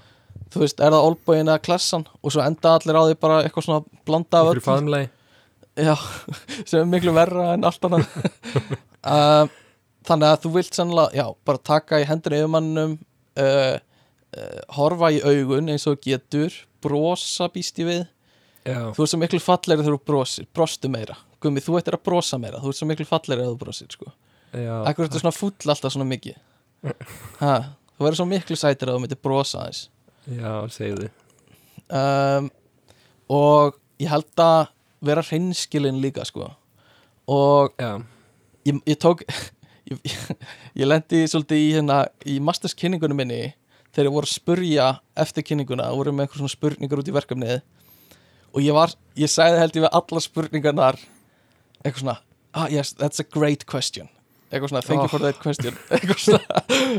Og sem hefði verið alltaf lagi fyrir eina eða tvær spurningar en ég held ég hefði gert það fyrir alla spurningarna sko, sem var svona, það er overboard sko, og ég Já. held að vera að passa, passa það líka í svona starfsviðtölum sko. Ekki Ég vera held- of mikið eitthvað svona. Já, ég held sko, ég held að sé alveg rosalega náttúrulega stærsti punkturinn er að koma svolítið confident inn í þetta svona viðtöl. Ymmit, ymmit Það er góða punktur. Og ég hlustaði sko, ég var með trikk. Ég tók alltaf fyrir hérna, ef ég fór í atvinnumviðtal þá tók ég hérna hlusta á My Life með Billy Mhm. Joel. Mm og botnaði það Geggjað. rétt áður, svo settist ég niður -hmm. og fór inn í Zoom-kólið Það er geggjað. Það er mjög góð hugmynd sko. Að vera með eitthvað svona lag sem peppar þig inn í svona sjálfsörygga típu sko. Já, og hérna koma bara að krafti inn í þetta sko. Já. Um, ég, Já, ég get alveg séð það og uh, ég held að skipti líka máli að þú reynir svona að lesa stemninguna náttúrulega. Já, þú veist ekki vera skellihlægjandi þegar allir eru bara eitthvað svona að horfa á uh, hérna skólaðinn og, og hérna uh, eitthvað svona. En líka ef að þau eru eitthvað svona smálétt, bara takk undir það líka og ekki vera of of svona depressed og eitthvað svona. Rosalega mismöndi stemming á viðtölum sem ég fór í. Já það, það voru bara sömur þú veist, þú, ég held að svona, það kemur það skýn svolítið í gegn stemmingin í fyrirtækinu í svona viðtölum mm, já, ummitt bara ég fór í alveg bara ömulega leiðileg viðtöl við bara ógislega leiðilegt fólk. Já, og svo viðtöl sem voru bara mjög skemmtilegt fólk og allir hressir og eitthvað svona. Mhm, ummitt ummitt, og þú veist það er líka bara þú vilt óneitanlega vinna hjá stöðum sem eru að gefa frá sér þá orku sko. Já, já, veist, það er líka bara fyrir þig sko að líka, finna það sko þeir tengja líka örgulega betur við þá sem eru þá frekar svona þurrir og leiðilegir. Og þeir enda þó frekar í fyrirtækinu sem eru svona þurrir og leiðileg já, já, algjörlega, það, get, það alveg getur verið sko. Uh, myndur þú segja opna og brandara? Sko, opna á brandara er mjög erfitt. Að opna á bó- góðum brandara. En ef þú Það er- verða slænt inn einum brandara þá ert alveg Mm. toppmálum sko. Já, einmitt.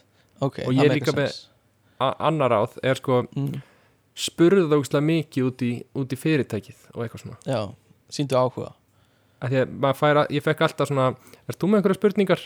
Mm og þá átt að vera bara eitthvað já, þú veist ég, ég verið að velta fyrir mig hvað er business modelið og eitthvað svona. Einmitt. Þú vilt ekki vera eitthvað svona uh, ert, ert þú með eitthvað spurningar? Og þú kemur eitthvað svona já, ég er með spurningu, hérna hvort myndur þú frekar sofa hjá mömmuðinni í líkama kæristuna hennar eða í líkama mömmu hennar uh, ég hef ekki reynda ok, uh, prófa það næst kannski. Já, ok, ég, er samt, ég er að vona að þurfa aldrei eftir að sækja um vinnur. Já, verður rekrútaði bara hérna frá. Já, ég var ógustlega til í það. Einmitt, þú ætlar að vera svona leikarinn sem fer ekki í áhrinnapröfur já, algjörlega. Já, ok, algjörlega, ég skil það.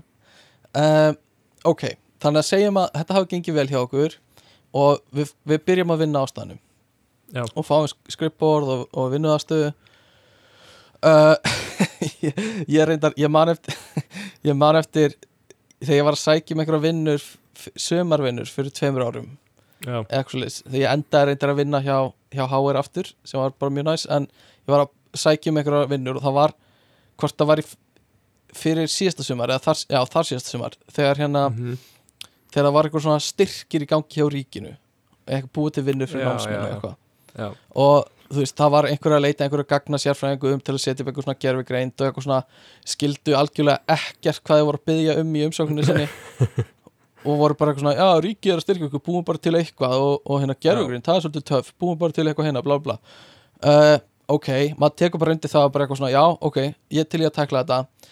En ég tók eftir ég að þú veist á umsókninu fyrir rannís, fyrir styrkin þá þurftir að koma með eitthvað svona eitthvað svona vinnu aðstak ætli þið að bjóða upp á hana? Já, uh, hvað ætli þið að koma til móts, móts við fyrir starfsmannin, þú veist við komum með eitthvað styrk, ætli þið að koma með eitthvað fyrir starfsmannin og það var einhver, einhver sem ég var að sækja um hjá sem voru með sko, já við bjóðum upp á wifi og kaffi. Sem er bara uh, já þarf að taka þetta fram. Heldur heldur þetta að vera brandar eða? Nei, ég held að það hafi bara verið Á, við þurfum að fylla út í hennar reyt Setja með eitthvað, hvað við Shit. með hérna Við hefum fullt af pennum Við hefum fullt af hérna, við hefum A4 blöðum Já, og kaffivélun okkar, segðu hana Send, se, se, Segðu hana Þannig að ég held að það hafi verið eitthvað svo leis Sem er náttúrulega bara að grilla sko. Þú vilt vera í góðri vinnuðastöðu sko. og, og sum fyrirtæki gerir þetta mjög vel uh, ég, held, ég held svona frá Reykjavíkuborg hef ég heyrt að sé að gera þetta mjög vel þú veist bara þú færð vinnu aðstöðuna sem þú vinnur best í skilur, ef þú vinnur best á makka færðu makka til að vinna í. Já. uh, þú veist, ef þú vinnur best á einhverju svona vél þá færðu þetta. Þú veist, bara, þú veist, þau gera bara til þess að fá starfsfólki til að vinna sem best skilur Ég nú Uh, alveg til í að ákveðin mhm. fyrirtæki myndu taka þetta inn á sig. Já, að klálega sko. Uh, sem ég, ég er svolítið hrifin af þessari stefnu sko og hérna og svo líka bara, þú veist, er ertu með gott skrippbor, stól og allt svo leis, skjái og eitthvað svona. Já, það skiptir líka miklu máli. Uh, bara svona að vinnustæður kom til mótsviði sko. Og þú þurfur ekki endilega að ganga eftir því að fá eitthvað eitthvað svona dót. Um, en, en svo ertu byrjar að vinna hana og þú, það eru alls konar vinnu, vinnufélagi með þér. Og það eru bara svona típur af vinnufélagum þú veist, það er vinnustæðagrínarinn sem er að vera fyndin og svo er oft einhver sem er algjörlega ekki grínari og er bara bara í vinnunni og það er Já. bara vinnan hans og hann er ekkert mikið að grínast með öðrum. Uh, og svo er þú veist náttúrulega bara yfirmaðurinn sem hefur ákveðið svona þú veist, stundum er hann með undirmönnum sínum að chilla en oft er hann bara yfirmaðurinn skilur já, uh, svo er oft bara eitthvað svona eldri manneskja sem á börn og talar rosa mikið um þau og fókusa svolítið mikið á þau og eitthvað uh, hvernig, svona, hvaða típa heldur að þú sért í vinnunni? Ég held að ég sé alltaf næst vinnustæða grínarnum sko. Mm, já, já, klálega sko. Ég líka, ég held að svona hress og, og spjallari sko. Já, uh, þú veist, ég, ég, ég stóð mig svona einstaka dagar sem maður stóð sig að því sko að, að hérna það var alltaf komið nýtt spjall bara þú veist, maður settist Já. niður og alltaf að fara að vinna og þá kom næsti kollegi og eitthvað svona varstu búin að sjá þennan þátt sem var í gæðir í gangi já, og eitthvað, já. já, geggja og þá er bara nýtt spjall sem byrjar og það bara og svo, já, svo endur við á því að hérna hafa bara verið að spjalla svolítið mikið um, en þetta hefur náttúrulega aldrei komið fyrir mig ef að einhverju yfirmenn mínum er að hlusta ég bara sé þetta gerast sko. ég, ég myndi aldrei lendi í neinu svona sko. Við vil bara taka það fram. Uh, þannig já vinnustæða grínarinn, ég held það sko. Svo er líka vinnustæða sko svona eins og Oscar í The Office. Sko mér finnst Office hafa kristalla svo mikið á góðum típum vinnustæða típum. Já, sem náttúrulega bara, þú veist, þetta er bara vinnustaður, náttúrulega basically, þú veist, mm Mhm. stættinir og eru með, þú veist, eins og Oscar Oscar, Oscar þú veist, hérna er bara svona, uh, hérna Besserwisser og þú veist eitthvað svona, já, og hérna Angela svolítið svona uptight og er bara í vinnunni, skilur og er bara að vinna. Og hérna uh, ég veit ekki hvað með Kevin, ég hef nú ekkert mikið séð eitthvað svona Kevin típur en, en það er örgulega til. Og þú veist svona Meredith sem er alltaf svona smá óviðegandi skilur, Já, hefur þið lent í þeirri, þeirri típu nei en maður hefur náttúrulega heyrt fullt af sögum nýlega. Og það er oft Já. kallar þá sem eru ógíslega óviðegandi Já, og sérstaklega svona alltaf í glasi Alltaf er eitthvað djam. Mm, ymmit, alltaf þegar jam þá gerist eitthvað ógíslegt Já, já, já. Sem er náttúrulega bara mesti viðbjóri heim. Paldi að þurfa að vinna með einhverju manneski sem er ógeðslega óþægileg við þau alltaf. Já, það er bara, það er örugglega bara fátt ver, verra heldur en bara þurfa að díla við manneski sem var að, þú veist, káfa á þér helgina áður. Og svo ertu bara komin á skrifstofuna og eitthvað svona, held þessi ömulegt sko. Það var Eh, hérna Það var ein, ein stelpa hérna úti sem að sem að er að vinna hérna. Mm, mm, og hún sagði í síðustu viku á föstu deg, sagði hún við uh, yfirmannin eitthvað svona, herri, ég ætla að vinna remote hérna, ég er að fara í ferðalag. Mhm, já, og ætla að vinna remote. Já, og ha, þá er hann fullur í vinsmakki með hérna yfirmennunum og hann er CEO-in og hann svaraði tilbaka já þá getur bara glimti að koma aftur í vinna já, ok. Sem eitthvað grín þá, eitthvað svona óvinnandi grín eða, eða var Nei, hann að meina ekkert að, veist, hann bara rak hana í SMS-i what? svo mætti hún á mánudegi og fór á fund Já. bara með fleiri yfirmönnum. Já, og hann þurfti að vera bara eitthvað já, ég bara ég, ég finnst bara ekkert gaman að láta koma mér svona óvörum bara eitthvað á föstu degi að hérna að seg, segja mér svona fréttir og, og, og eitthvað, já, þú mátt alveg fara en, en, en þetta Oh er ekki, þú gerir þetta öðruvísi eitthvað svona. Já, ok. Oi bara stað en þetta, er þetta eitthvað, einhver sem þú bara þekkir sem tengi, þetta er ekki þínu fyrirtæki? Nei, Eða ekki mínu Nei, nei. og það, já, ymmit ég held að, að að hafa svona sko, að hafa slæma yfirmenn er náttúrulega líka bara pain Alveg sko. glatað sko.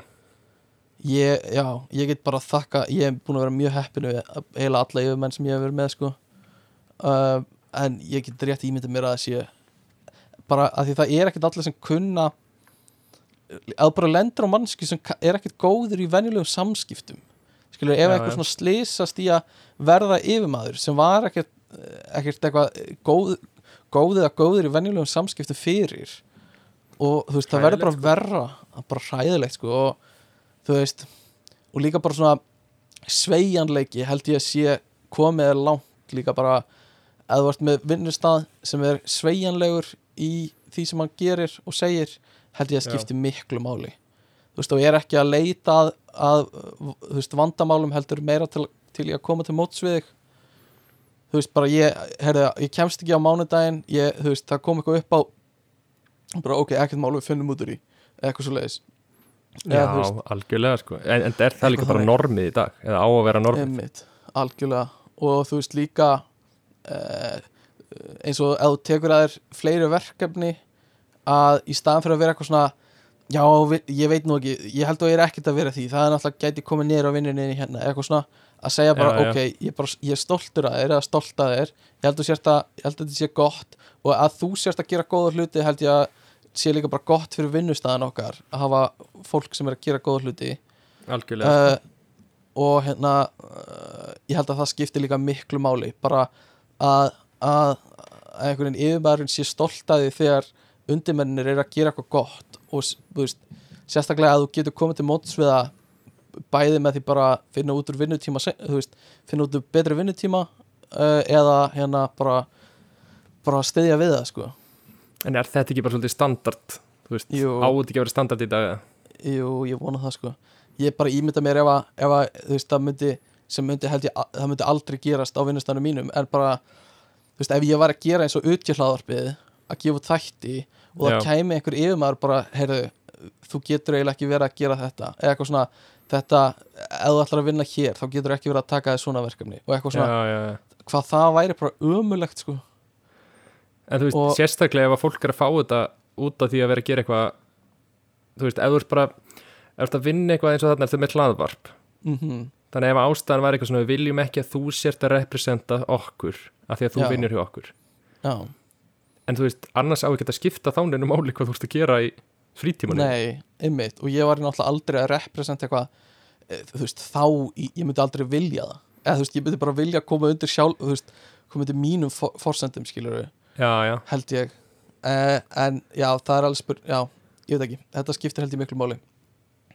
Uh, Já, en hefur, eh, manst eftir einhverjum svona notable típum sem þú hefur unni með í gænum tíðina, fyrir utan stittur hliðigæðin í 10.11 e, já og það er alltaf náttúrulega bara fullt af típum sko. Já, Ég held að Já, svona leiðilegasta típan Típa sem minnst lang erfiðast að vinna með er svona ógeðslega neikvæða mhm. neikvæða típan sem er svona uh, alltaf að kvart yfir hvernig allt er gert en segir ekki Einmitt. neitt en er bara kvarta. Já, já, já, einmitt, einmitt, einmitt það er alveg, Algjörlega. ef að þú hlustandi ert svo típa, bara please, ekki vinna með mér. Og líka ef þú hefur aldrei lent í þeirri típu á vinnustæniðinum þá ert þá ert þú svo típa uh, já, klálega. Uh, ég man eftir að Aggi félag okkar var að segja okkur frá því að hann hafi verið að vinna einhvern sem hann, ég held að það hafi verið í FedEx eða eitthvað, með einhver gæði sem var alltaf að segja oh fuck my life, fuck me sideways. Með einhver svona einhver svona blótfrasa eða koma eitthvað upp á. Já, fuck my life, fuck my life fuck, fuck me, eitthvað svona sem er mjög fyndin típa sem er alltaf eitthvað svona kemur að redda málunum en blótar mjög mikið. Uh, já uh, ég man bara líka eftir típunum sem ég var að vinna með á verkstæðinu. Þú veist, það var svona gæi sem var uh, af gamla skólanum og nýji skólinu var, þú veist, að taka við á þessum tíma. Já, og þú veist, grí, grínin hans voru alveg svona veist, hann var alveg svona, það má ekki má ekki grínast með neitt lengur maður, ha, ha, ha, ha. Alveg ræðileg því, já, að því þú veist, hans tímabil er bara á leiðinni út. Þú veist, hann bara hann var bara, þú veist, gullöldin hans var bara þegar það átt að grínast með svona. Já, já, og núna er sá tími bara leiðinni út og hann var einhvers stað stattur í einhver svona limbói þar sem Já. hann, þú veist, vildi halda áfram að grínast svona. En, en þú veist, það var greinlega búið honum á að hann ætti ekki að vera að grínast svona, skilur sem hérna og Já, svona kennir ungu kynsluðin um að vera óviðkvæm Já, já, alveg klálega sko. Uh, Já, og svo var ég bara með veist, ég vinni með líka hérna það var pólskur maður uh, raf, bíl uh, bifvélavirki. Ég veit ekki hvort, jú, ég held að sem var bara, þú veist, hann, hann sagði aldrei neitt við okkur beint. Já, vann bara vinnunu sína og á, þú veist, hálftíma fresti fór hann í síkó og svo gerði hann bara við bíla og tók síðan bara alltaf síkopásuna sínar og reykti bara gott og hérna en bara indislegur kall sko. Þú veist þegar maður talaði svona við hann þegar maður talaði við hann mjög stutt hann var bara ekki drosa sleipur í hérna ennsku eða íslensku sko. Já. En mjög næs kall sko þegar maður spjallaði við hann.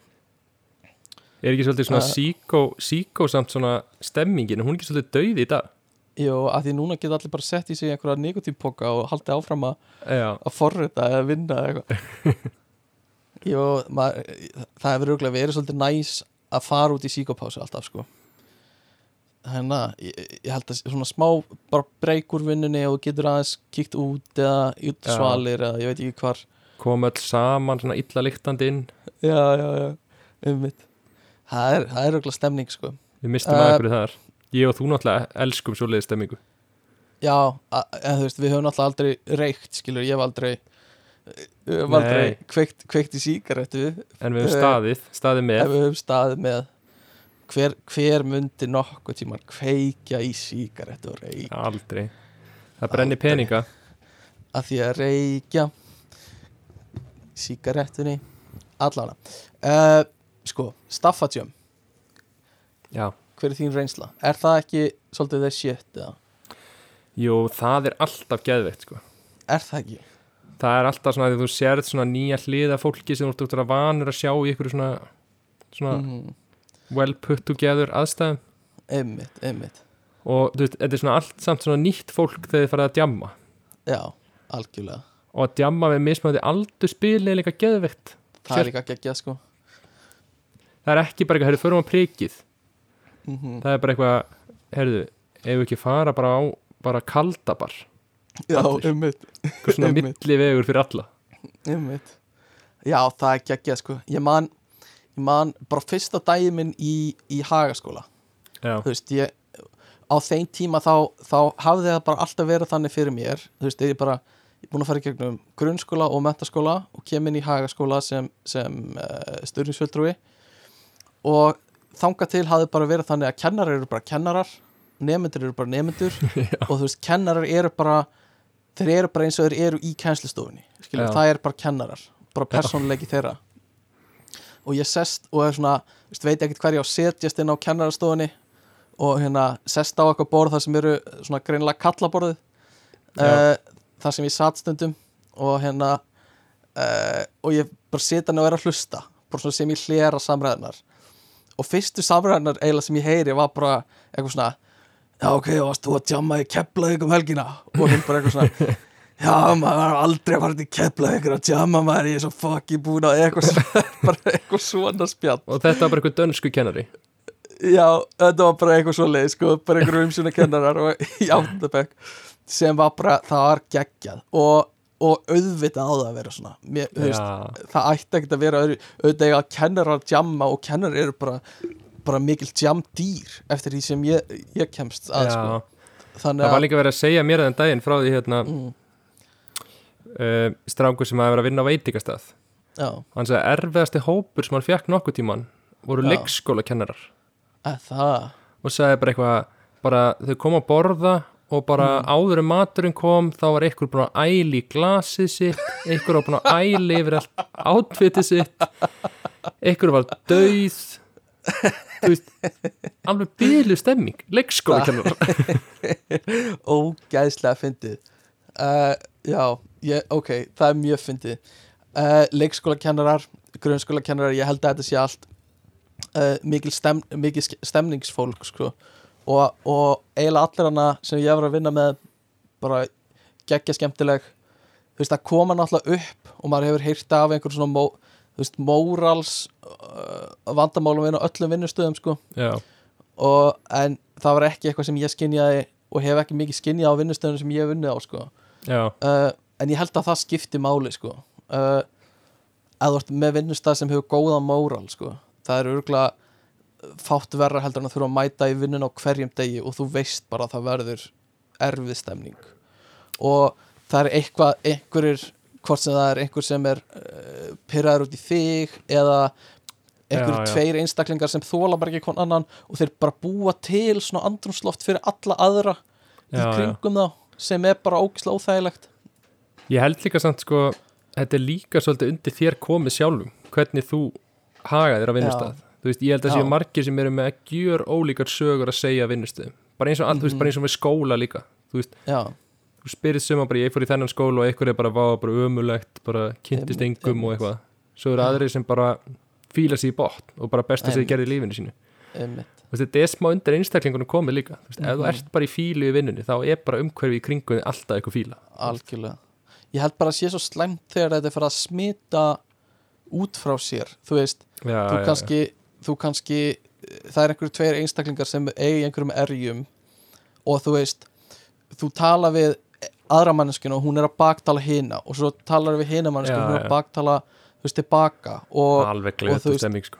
og þú færði eitthvað svona passive-aggressive vibe bara alltaf þegar þau eru hana og, og Já, hérna þú þarft að, þú veist, fara að strategisa einhvern veginn hvernig þú ætlar að taka hátegismatinn þannig að já, þú sérst ekki að velja eitthvað svona uh, bara svona ef maður getur haldið vinnustæðinu sínum hvort sem þú gerir það að leggja vinni í það eða bara sem hvort að vinnustæðinu getur lagt móral í það eða þú veist vinnu í að hafa góða móral held ég að skipti máli sko. Ég var alveg lent í þessari stemmingu Aha, já, þetta er hundleðilegt sko. já, og þú ert að reyna að halda áfram að vera bara svona jákvæði og eitthvað. Algjörlega. Og svo er bara alltaf einhverju eiran að það er bara að tala um að veist, hinn Mhm. manneskjan sé ömuleg og einmitt, ger ekki neitt og Einmitt. nenni ekki neinu eitthvað svona. Einmitt. og það er, er ekki stundum þannig að það er svona skotlefi einhvern veginn gefið út og það er svolítið svona einaldir hópefli á yfirmann. Mér finnst eins og það sé já, sé já, já, svona allavega svona algengt minni í, í svona popculture og svona algengt stef að heyra það að þú veist það er hægt að dissa yfirmannin og það er hægt að baktala hann. Og, og þetta er eitthvað sem Michael Scott átti hvað erfiðast með í Office þáttunum að þú veist, hann vildi vera yfirmaður en hann vildi líka vera vinur allra. Já, en þú veist, það var einhvern veginn alltaf að sína sig að það er ekkit hægt sko því þú Nei. þarft að vera, vera leiðleika einn sko. Já, algjörlega ég held sér líka mjög erfitt að vera yfirmaður og finna eitthvað svona balans á authority Mhm. og félagi sko. Já, ég held það alveg klálega. Sérstaklega þegar þú þarfst að fara að taka erfiðar ákvarðanir eða bara eitthvað svona litlar ákvarðanir sem eru samt smá leðilegar eins og þú veist, við þurfum að, að færa þig hérna eða við þurfum að þú veist, við getum ekki gert þetta, þetta, þetta eða þú veist við þurfum að loka á það þið getum mætt hvernig þið viljið þið þurfið að fara að mæta hérna, hérna, hérna, eitthvað svona. Já, já, já. en þetta er svona eitthvað sem er erfitt fyrir sérstaklega að þú kemur frá því að vera eitthvað svona office skrínari mm -hmm. og ætlar að transition yfir að verða eitthvað svona yfirmaður. Einmitt, einmitt klálega, ekki með í djókinu og það þórir enginn Já. alveg að segja frá djamminu sínu Einmitt. þessa helgi og eitthvað. Inside brandari. Ég væri til að vera partur af því einhvern tímann. Það gerist aldrei. Algjörlega, ég held að ég svo, þetta er svo mikið office vibes sem, sem, ég er, veist, sem við erum að tala um hérna sko. já, já, algjörlega. Uh, en ok. Við erum búin að snerta á svolítið mörgu tengdu vinnustæða dýnamík en við erum eftir að tala um eitt mjög ákveði og það er romantík á vinnustöðum. Já, er þetta sniðu hugmynd eða er þetta ekki sniðu hugmynd? Og þá nota margir þetta orðatiltæki ekki kúka það sem þú borðar.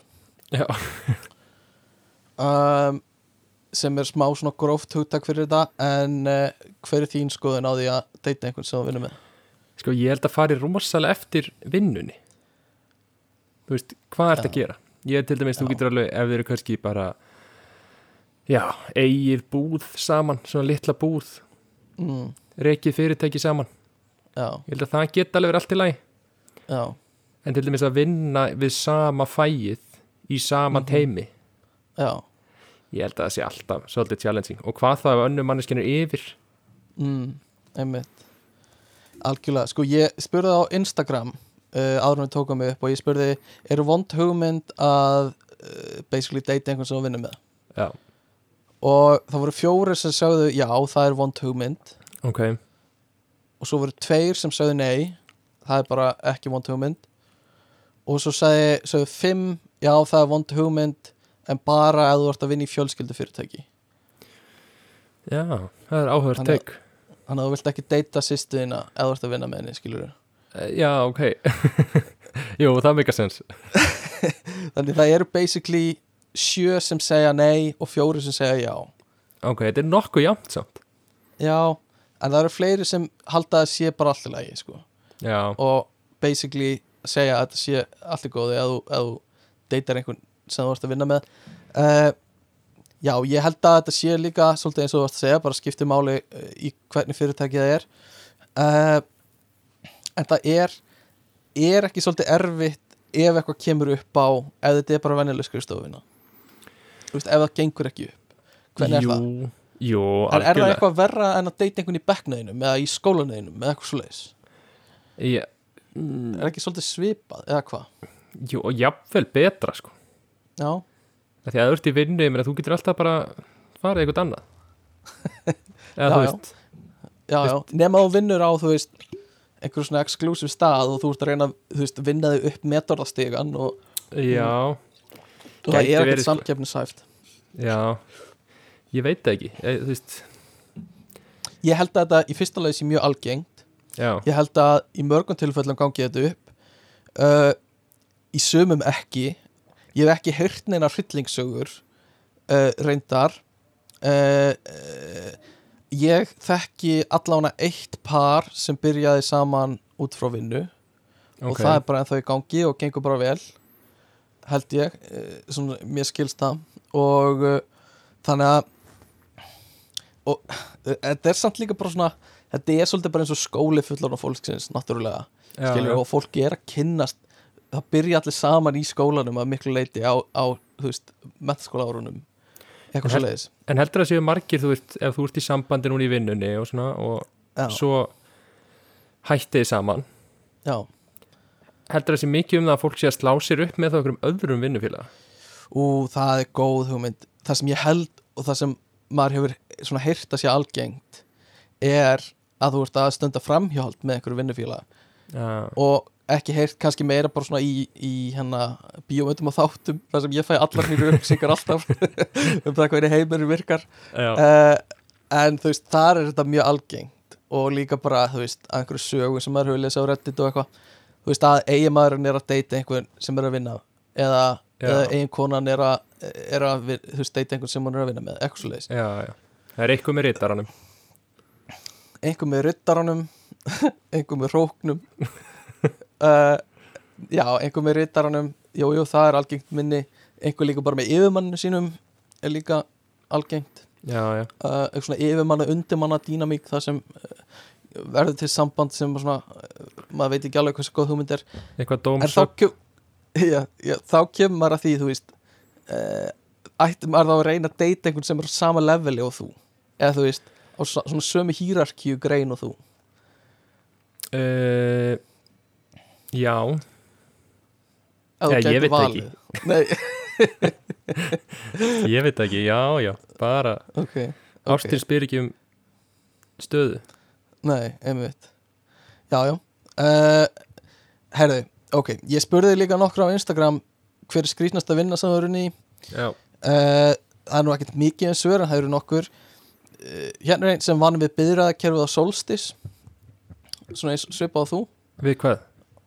Byðraðakerfið á Solstis svona í röðinu á Solstis Já, eitthvað Ok. örglega eitthvað svona bouncer tengt. Uh, og svo er einhver sem var að raða tjaldhælum í póka og snúa lukkuhjólu fyrir krakka. Já. Eitthvað svona. Þannig að þetta eru svona uh, alls konar sem fólk hefur verið að vinna við. Já, ég var Uh, líka við áfyllingar og gósi, já, já. En við skulum ekki tala meira um það. Ekki, ekki, ekki eins og reyna að tala meira um það. Uh, Herra, ég var að fara kannski gegnum bara þessar Instagram spurningar sem ég var með. Já, gáttu með? Það fyrst við viljum byrja þér Ég spurði líka hvort kýstu frekar 8-4, 9-5 vinnu þú veist, svona þannig típa vinnu eða kýstu 2-3 vaktir eða svona, já, vakta skipulagi já, uh, og það er yfirgnæfandi hérna uh, svona einróma álugtum þar eiginlega. Það eru 13 sem veldu 9-5 vinnu. Já og tveir sem hversu vakt að vinna. Og engin 8-4 Nei, þú veist, 9-5, 8-4 er já, sami já, hópurinn sko. Já, skil, svona, þann, þannig típa að vinnu eða svona vakta skipulag. Þú hefur unnið við bæði. Já, Já, þetta er mjög basic. Ég hef aldrei unnið á okkur svona vaktavinnu held ég. Já, Þú hefur unnið við bæði. Já. Ertu sammála þessu? ég er sammála þessu til lengri tíma. Mm, en fyrir sumarvinnu þá myndi ég bara taka vaktavinnu það er bara stemming bara, já, heimitt ef vinnan er svona stemmingsvinna þá held ég að vaktavinna sé bara fín. En Í- þú í verður búin tíma. á því eftir sumari sko. þannig ég myndi aldrei nenn að gera það í að fullri vinnu sko. heimitt, heimitt, ég skil ekki Ok, uh, svo spurði ég sko Hversu ánægð eða ánægður ertu með vinnunum sem ert í núna eða síðustu vinnu? Eða ert í námi þá bara síðustu vinnu sem þú varst í basically. Uh, og það er svolítið, fólk er að deila svolítið um þetta. Þetta er svona cirka 60% 55% kannski sem sagðist hafa verið ánægð já, og 40-45% sem sagðist ekki hafa verið eða ekki það ánægð. Uh, í núverandi Og- vinnu eða síðustu vinnu? Í, bara, þú veist, þetta, þetta er sama spurningin skilur bara hvernig fannst þér nú, núverandi vinna eða síðasta vinna? Já, ok, og þá er ég bara að tala um eða þú ert ekki með vinnu núna já, já, þá hug, hugsaði þá bara síðasta vinna sem þú varst í. Uh, og þetta er eiginlega sko annarkvort ertu mjög hátt uppi já, það sem þið voru að svara eða þau voru mjög látt niðri. Og það var ekki eiginlega engin á milli sko. engi bara svona, ne, já, það var eiginlega engin bara eitthvað svona meh. Uh, og já, sem er svolítið áhugavert. Það eru, já, annarkvort bara hatar vinnuna eina og þá held ég að þú sért að grasserast í einhverju svona lélögu móral og, og eða lélögu bara svona álægi vinnutíma einhverju svona skapi sem bara svona heldur áfram eins og snjóbolti svolítið að vaksa já, já. Eða þú ert í, á góðu vinnustað þar sem þú bara heldur góðu leveli. Ég held svona kannski að ef þú ert með eitthvað svona ef þú byrjar að fíla þetta ekki þá heldur það svolítið áfram að verða verra, verra, verra sko.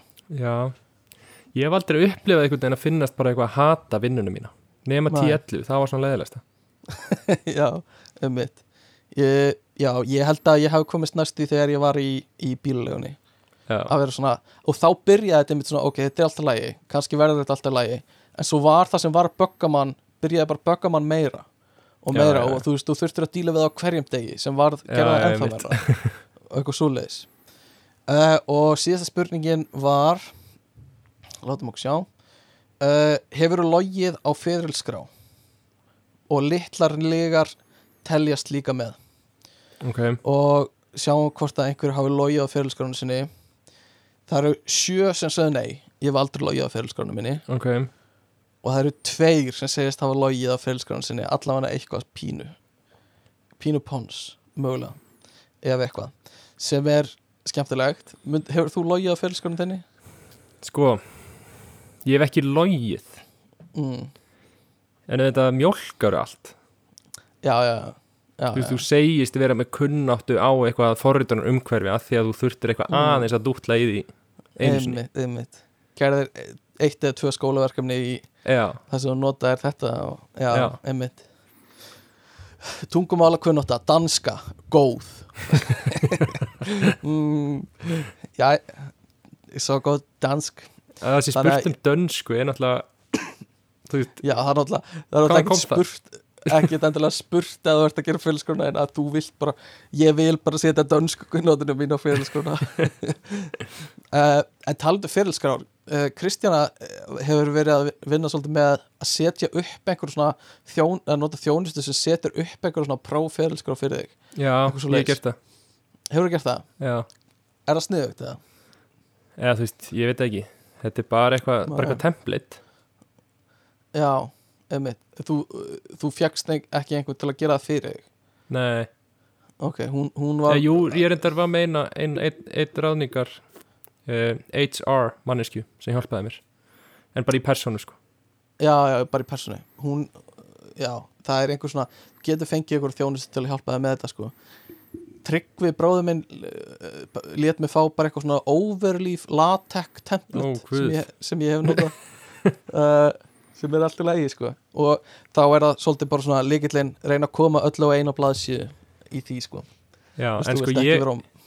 ég nefnilega er að vinna með það. Ég vil að ferilskráin minn sé svona teaser á mig.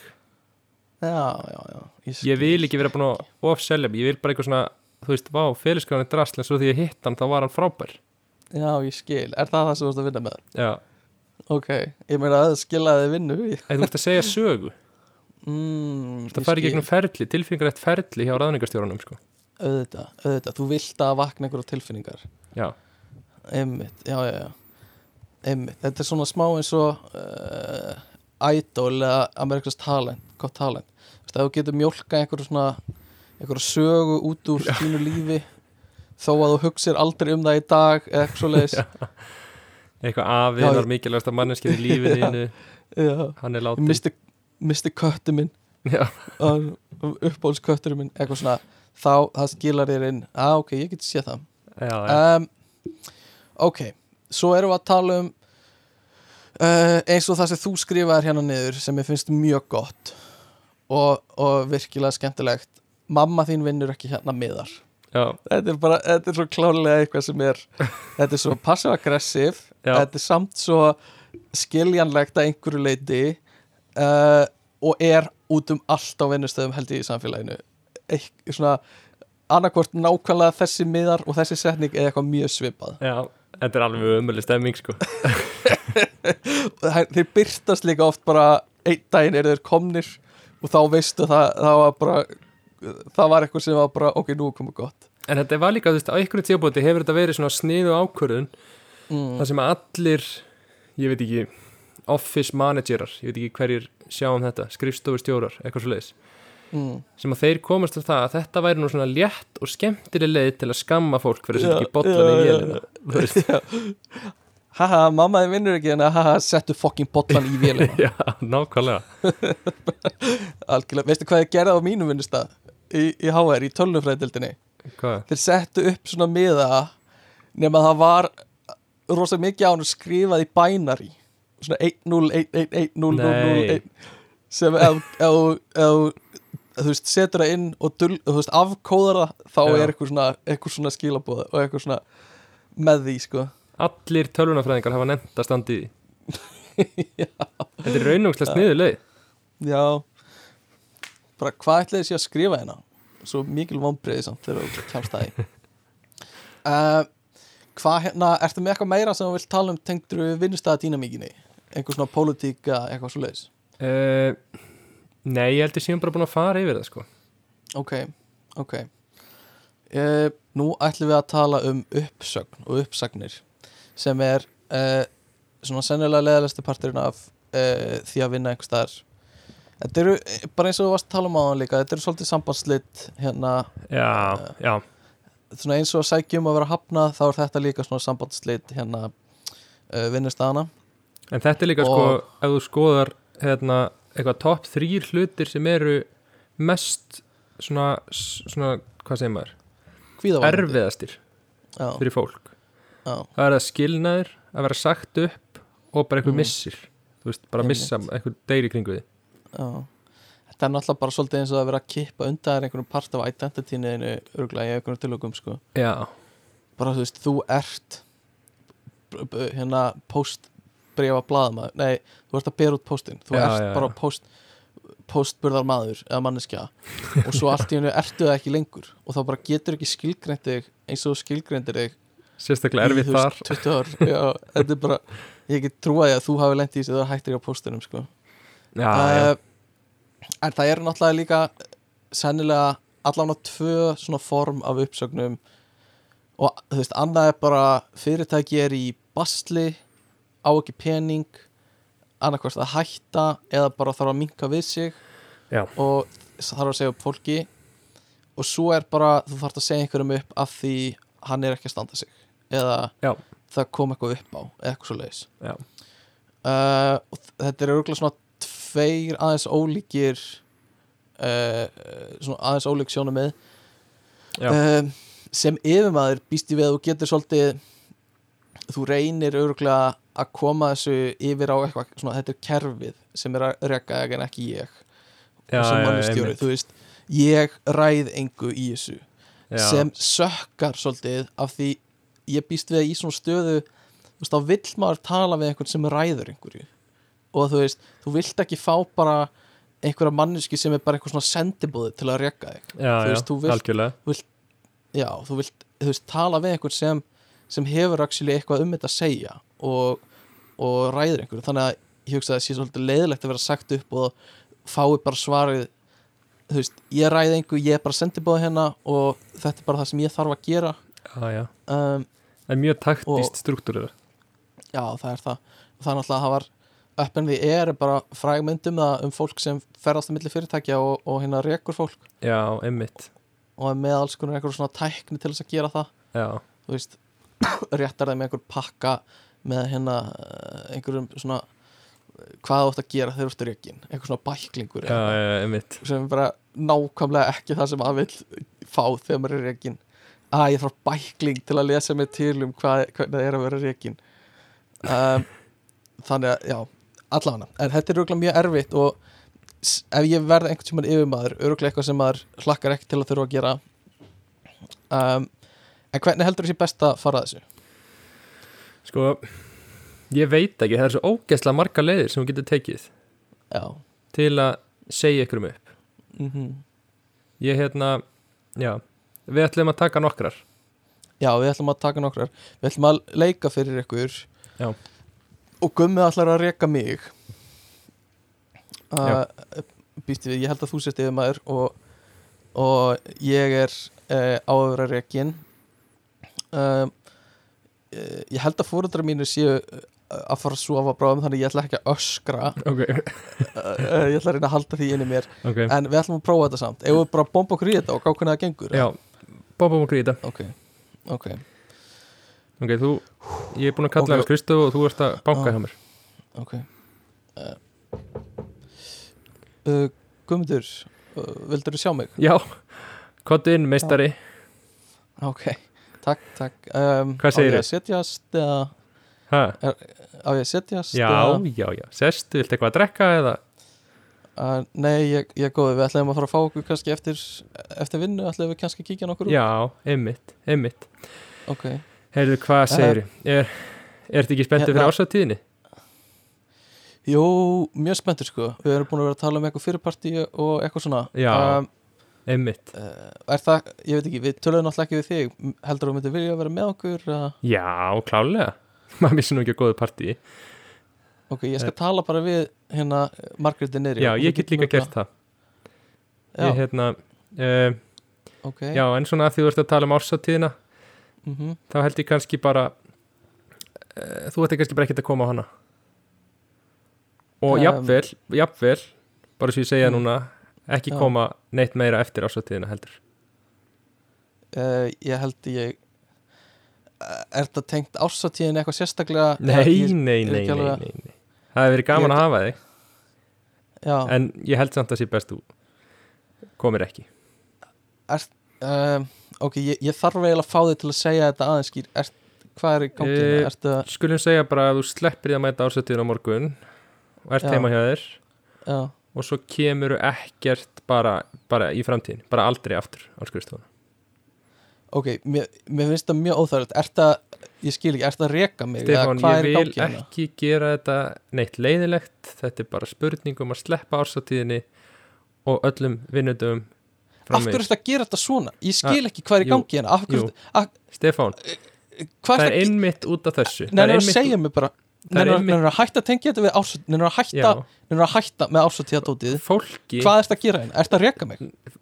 Stefán ég, langar ekki að segja þetta Nei, segja þetta svona. nennir að segja Nennir að gefa Já, mér bara en þann bara, Stefán. þann, að bara, bara smá örðu af bara mannlegri bara svona samhyggju. en- Nennir að segja mér nákvæmlega hvað er þetta að gera hérna? En, en Stefán þú veist ég elska þig ég elska að vinna með þér ég er bara að segja að það er fólk annað en ég sem elskar þú? ekki að vinna Þú með þér ert fokking yfirmaðurinn já, hérna, sko. en Stefán halló, ég er Bara, bara fyrir hvað? Fyrir hvað ert að reka mig? Fyr- Ég er búin að vera að skila góðum tölum Ég, þú veist, Já. ok, ég set ekki upp þáttu höluna Já. Ég veit það já, en, en þú veist Ég, ég Já. skil ekki, ég, ég er búin að vera að skila góðum er, tölum þetta er búið að vera fínt samtal ég sé þig bara ekki á arsatíðinni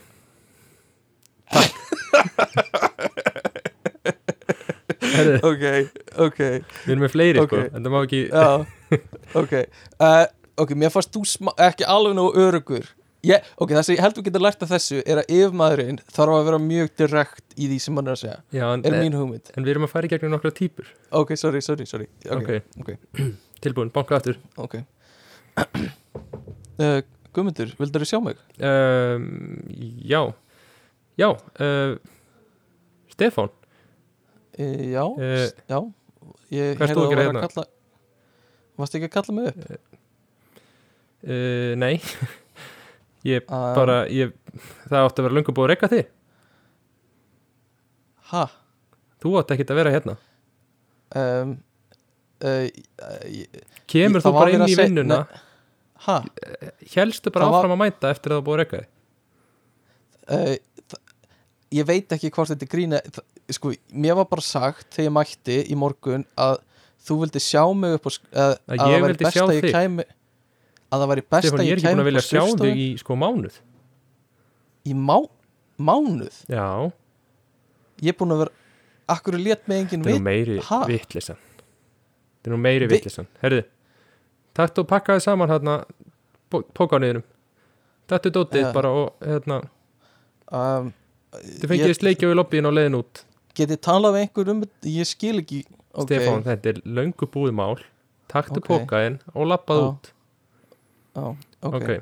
Þetta, þetta var önnur típa þetta gekk á- svona allt í lagi þetta var, þetta var náttúrulega fáránlegt múf að láta ekki vita en hann var ákveðin sko já, hann var ekkert að, hann var ekkert að, að fara hann til kringum þetta. Ok, tökum eitt viðbútt ok, tökum eitt viðbúð uh, uh, já, Guðmundur vildu Já. þú sjá mig? hæ, hæ, hæ, kottu, fá þess að Eh, hérna. já, ok, takk. Ég, hérna um, eh, eitthvað, já, eitthvað hvað segirðu? sérstakt? bara pff, allt í lagi mikið álag. Já, um, já en, Er það? allt Er mikið góð, sko. álag á þér eða? um, já, eða þú veist ég hef náttúrulega búin að vera að hjálpa í þessum verkefnum Já, verkefni sem Og- eru búin að tefjast svolítið, svolítið lengi kannski já, ég meina þetta eru bara stór verkefni sko, ég meina, Já, ég veit ekki Já, hefði, mér langaði nú að fá því hérna aðeins en á skrifstofun, Já. mér langaði að fara með í gegnum smá svona æfingu sem að ég ég, Mhm. ég er stundum með um, ok, er Ertu- eitthvað sem já, eitthvað sem fleiri gera er, þetta má ég klára má ég klára Já, að ok. tala eða Ok, svo- já, nei, þarfst sorry, að já. fram í eins og þú gerir nei, venjulega nei, nei, nei, nei. uh. Mér langar að taka æfingu á þig Ég vil að þú horfir núna í augun á mér og ég vil að þú rekir mig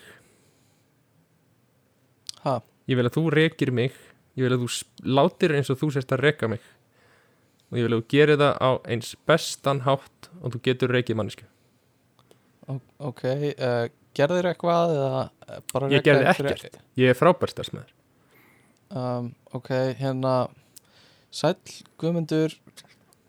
Hæ, erum að, leika aðra senu inn í þessari senu. Uh, Sæll Guðmundur. Uh, hérna fáið sæti. Um, takk. Mér langaði, eh, ég vil bara hafa þetta stuttort. Uh, fyrirtæki þarf því miður að minka við sig. Við hérna erum að tala við nokkra starfsmenn um að um að láta það fara og Ok. hérna uh, því meður kom það bara til þess að, að þú varst einn af þeim sem, sem við teljum að, að hérna uh, geti plumma sér betur annar staðar Já. og hérna já, og það svona rýmar svolítið við hvernig fyrirtæki er að fara í structuring á næstunni. Uh, þannig við þurfum eiginlega að lefa, láta þið fara. Ok, uh, ok. ég get skrifa bara frábæra meðmæli fyrir þig Já, og hérna ég er mjög sáttur við starfið sem þú hefur unnið já nei, bara, e, bara ekkert mál. Eða þú veist, ég bara skil það ótrúlega vel að þú vilja láta mig eða þú veist, ég veit að það er ekkert ílt á milli okkar. Nei, það er mjög, mjög lítið Ok, illt á milli okkar. flott, flott, Stefán. Nú Já. vil ég fara í gegnum það sem þú sagðir Já, og segir það við sjálfa þig. Um, já hérna, Nei, nei bara í haustum á ekki, ekki, ó ég ekki segja þetta. Ekki endur taka þetta. Ó, ég, já, ok. Um, ég skil Já. er, Takk ertu, fyrir Já. Stefán fyrir að vera svona skilningsríkur og já, taka þessu svona vel. Þetta er mjög erfið ákvörðun fyrir okkur. Ég vissum og finnur aðra vinnu sem er miklu betri heldur en þessi vinna. Já, ok. Um, ok, takk, takk fyrir. Mér finnst þessi síðasti helviti góður sko. Uh, uh, uh, uh, mér finnst þeir allir mér finnst að, þetta eru náttúrulega mjög mismunandi aðferðir. Uh, og allt mjög skemmtilegar aðferðir sem ég vil að allir yfirmenn prófi allan einu sinni. Uh, ef ég ætti að koma með einhverja nótur á þetta þá væri það að vera skýr í því sem það ætlar að gera. Uh, og trýta bara virðingu. Uh, en, en samt prófa þetta sko. Mér Já. þessi síðasta mjög skemmtilega það sem þú lést mig reka mig sjálfan eiginlega sko. Já en við líka náðum svona það sem þú komst með í sögunni inn í sögunni þar. Mm, það var eiginlega svona proper liðin er það ekki? mm, jú, jú, já, við getum kannski hugsað þannig. Já, Þannig við fengum allt út úr þessu sem við ætlum að fá út úr þessu. Einmitt, það er góða punktur. Ok, já, við getum hugsað þannig. Uh, Það er mjög skemmtilegt sko. Uh, Ok, þannig að ég held að sé líkilatri virðing uh, skilningsríki hreinskilni og feitur Og hérna- severance check. feitur severance check og koma skýrt fram. Já, býst ég við og hérna ge gefa ástæðanar fyrir því af hverju þetta er ekki að gangu Já. af því annars er fólk endalist að hugsa hvað gæti verið Já, og vera bara skýr í því að þetta og þetta og þetta eru ástæðanar fyrir þessu. Það er góða punktur. Mm. uh, ég með hérna punkt hjá mér sem segir sem stendur á það sem Gummi ætlaði að segja. Er það eitthvað sem Gummi ætlaði að segja já, nei, ég skrifaði þetta niður. Alveg rétt, Já, Af það því var, ég- já, ég tröflaði eitthvað sem þú veist að fara að já, segja já, einmitt. En ég held að sé ekkert meira. Ok, þannig að þetta er ekki að uppsögn. Elska, ég fucking dyrka uppsagnir. Já, þetta er ógæslega gaman. Já. uh, við erum alveg að klára hérna og það fyrir að styttast í lægið okkar.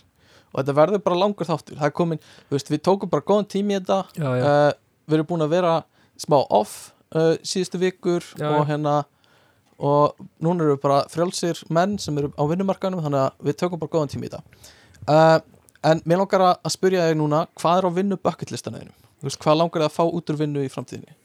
uh, Mig langar að Mig langar að stofna fyrirtæki Já.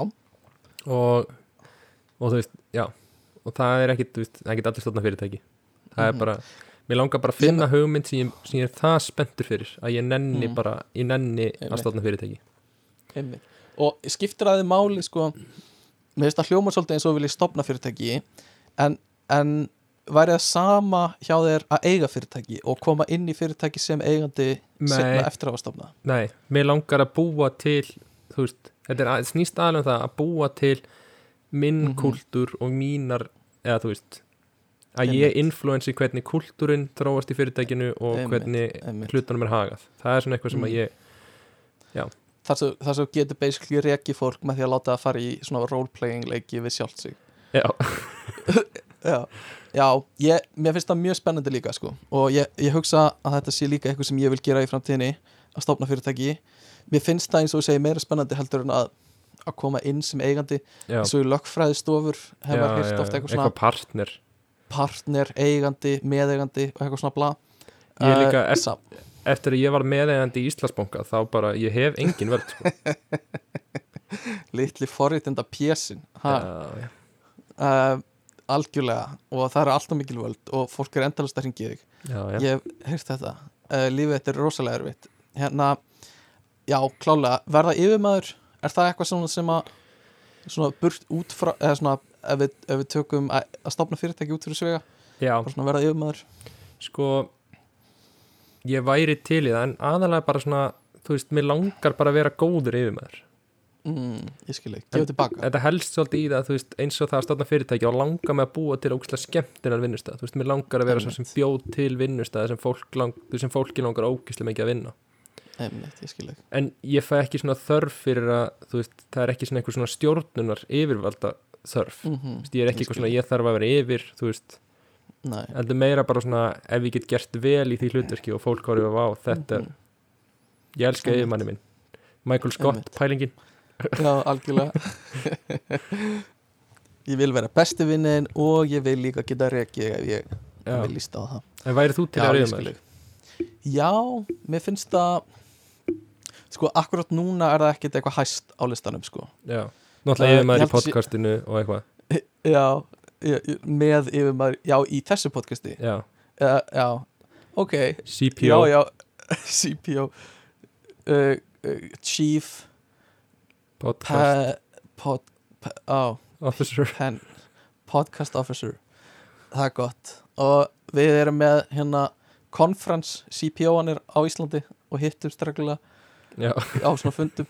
Uh, Sæll Ég og illu Stefán. aðala og hérna Kristján og Ingibjörg úr, úr Jáelskan hittust? Uh, Nei, sko. Uh, Yfir maður, ég held að sé Já, það er ekkert rosa ofarlega núna. Ég held að það gæti í framtíðinni mögulega verið ofar og ég held að sé þá að einhverja ástæðu líka bara ég vil ekki vera undir maður allt mitt ah, er þetta skilurðu. góður punktur? Skilur, ég vil ekki vera orðin 60 og ég er ennþá bara ó, svo er eitthvað 25 ára yfir já, já, já, það, það sko. ah, nei, já, góður punktur. Það er mjög góður punktur. Ég, ég tek undir það. Já, það er svolítið það. Um, Ertu með eitthvað svona ákveðin laun? Ef við miðum bara við að við getum, þú veist uh, miðum við eins og peningar eru í dag og þú veist, Já. erum ekki að pæla í verðbólgu og eitthvað svona bara virði bara svona virði peninga eins og það er í dag mm -hmm. hver væri svona laun sem þú vildi sjá? Ertu með eitthvað svona laun sem þú vildi sjá fyrir þér? Um, sko ég er náttúrulega alltaf er fyrir aðdunum viðtöl þá segi ég alltaf að ég fari ekki fram á rúmunni fyrir undir miljón Já, já, en þá fyrstu mikið að neyjum. Nei, nei, en þú veist, ég meina eftir einhver ár mm, allavega ekki undir miljón Já, ég, ég, já, já, ég er meina, og helst viljin og fyrirtæki hóstu upp tveimur miljónum allavega. Mm. Erum við að fara að sjá því í tekjublaðin eitthvað sem hann ég vona það, Já, en það verður náttúrulega eitthvað á tortóla og eitthvað svona, þetta verður ekki allt bara, nei, það verður ekki alltaf í Íslandi. Nei, Nei, nei, nei, við ringjum bara í bjarna uh, og fáum hann til að græða þetta fyrir okkur. Já, já, hann gerir það. Þú með garðabæða tengslin, Já, já, við hittast í sundi bara. Ringir í um, svonans Bens, Svonas Bensa. Benni. Já, ringi Bensa. Bensa. Bensi, já. Um, Ákveðin, já, ég myndi segja eftir eftir alveg svona smá tíma og reynslu á vinnumarkaðanum held ég að maður geta alveg farið upp í allavega tvær miljónir sko það eru fólk sem er jafn gammalt að við sem er að gera þú veist vinna í forutun og þú veist bara fór ógislega klárt fólk reyndar. En ég meina við getum alveg séð það fyrir okkur einhvern tímann í framtíðinni að vinna í stóra fyrirtækjum eins og Google og eitthvað svona sem Já, er já. bara tvær og hálfa sem við þekkjum sko. Já, já, og er bara í því núna. Já, Um, þannig að mér finnst það ekki eitthvað brjálaðslega óraunhæft uh, að einhvern tímann í framtíðinni kom maður yfir miljón þannig að fá maður er herra veikt. lámaslun fá ég herra en minnstu laun sem ég geti mögulega fengið sem ég er á núna. Þú færði heildalaun það sem að það sem að þetta líð borgar í skatt. Já, basically. Algjörlega. Um, þannig að það er á bucketlistanum ég veit ekki, líka bara að vinna á, á skemmtilegum stað eiga partíði að hérna, byggja upp einhvern vinnustað á móral, það getur verið gaman. Já, um, gæti verið gaman að vinna í einhverju stóri fyrirtæki og prófa það uh, svona einhverju svona einhverju svona já, uh, þú veist einhverju líkingu við Spotify svoleiðis, skilur, Já. það er alveg svona bara til að, bara til að kynnast kúltúrnum en það er ekkit eitthvað ég er ekkit eitthvað veist, það er ekkit eitthvað hátt á listanum mínum en það gæti verið gaman sko. Ég er svona eitthvað ég veit ekki alveg hvort ég er spenntið fyrir því. Nei. mér finnst ágætt að fara núna í stærra fyrirtæki sko, mm en ég veit ekki alveg hversu stort maður verið tilbúin að fara nei, nei, nei, í fyrirtæki núna þetta er ennþá, þú veist, ég þekki alla sem boardmemberina, skilur einmitt, einmitt og það er náttúrulega þannig líka í stóru fyrirtækjum að þetta, þau skiptast líka bara í minni fyrirtæki innan Já, já. fyrirtækisins sko. þannig að það væri aldrei þú væri aldrei, þú væri sennilega alltaf í einhverju svipið og ert í núna já, já, nema að þú far kannski eitthvað meira svona corporate vibe, veit það ekki já. sem er ekkert endilega betra það er auðvitað bara smá leðilegt Svona corporate politík er náttúrulega alveg, alveg mjög sterk sko. já, einmitt og ég er búin að heyra það að oft er sko þessi grínistinn mm. helst svona undirgefni undirgefni djókarinn Mhm. hann fær ofta að vera sí, nei, forstjóri í svona fyrirtækjum. Já, einmitt. En þá er einhver fyrir ofan hann sem vill svolítið bara vera puppet master skilur já, já, vill fá svona forstjóra sem er aldrei einhvern veginn upp á kantinn einn og alltaf Mm. bara eitthvað líglað og gerir ekkert rosa mikið. Einmitt. Tengt þessu, ég heyrði að hérna uh, já, sko, í fyrsta lagi þá er í stóru fyrirtæki líka oft bara þá ertu, þú getur sótt um bara vinnur innan fyrirtækisins, þú veist, þá Já. er það bara lítið samfélag. Mm og þá, þú veist, sækir bara inn um einhverja vinnu á milli deilda, skilur, og hérna þá ert, þú veist, þá ertu komin inn í einhver svona annan vinnumarkað innan einhvers fyrirtækis já, sem er svona uh, áhugaverð menning. En hitt sem ég ætla að segja er að ég heyrði líka að það er svona smá saying að þú veist, það eru basically allir yfirmenn uh, vanhæfir vegna þess að þú veist, þú ert þú ert promótaður uh, að þú standaði vel í vinnuninni já, þanga til að þú hættir að standa, eða þú veist, komin á stað þar sem þú ræður ekki við það já, og hættir að vera promótaður og þá ertu, þú veist, á stað þar sem þú ert ekki að vinna vinnunni nógu vel, því annars Já. væri promótaður í næsta skrif fyrir ofan.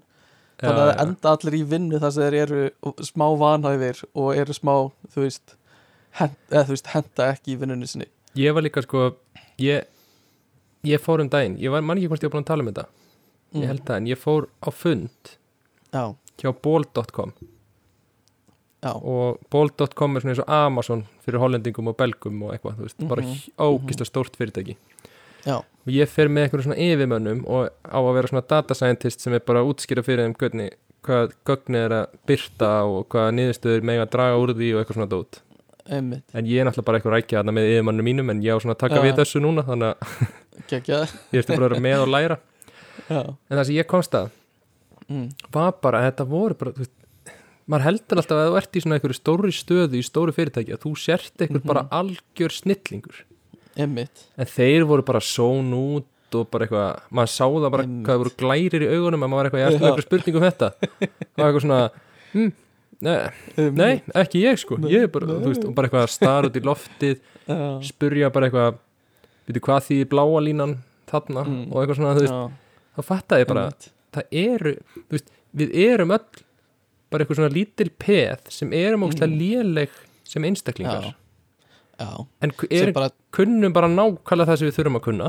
Algjörlega. Og við gerum sem það lætum, já, sem lætum að líka bara hugsa hvað hversu ótrúlegt bara samfélagi sem við er búum sem við búum í er þú veist það Já. er bara, hvernig virkar það að bara vera með götur og bara við erum búin að byggja upp Já. þessa infrastruktúra sem bara virka þó að allir sem maður hittir eru rosa mikið svona að einhverju leiti vanhæfir Já, en já, einhvern veginn höfum við byggt upp bara, bara kerfi sem virk bara, bara umfrakerfið er bara Já, svolítið já. magnað fyrirbæri bara það, þú veist, að fólk geti ferðast um og, og, og svona í meginatriðum verða engin slis skilur, já, já. veist og hérna og bara bara hérna innviði ríkisins bara þeir virka líka og þeir ganga og Já, það já. er bara svolítið magna kerfi þetta er bara svona svo ógeðslega flóki maurabú það sem hver Já. og einn maur er bara að vinna Já, en við- það er einhvern veginn, þeir ná samt að búa til rosa flóki svona kerfi að göngum sem, sem leiða til drottningarinn og það virkar það er svolítið magna bara pæliði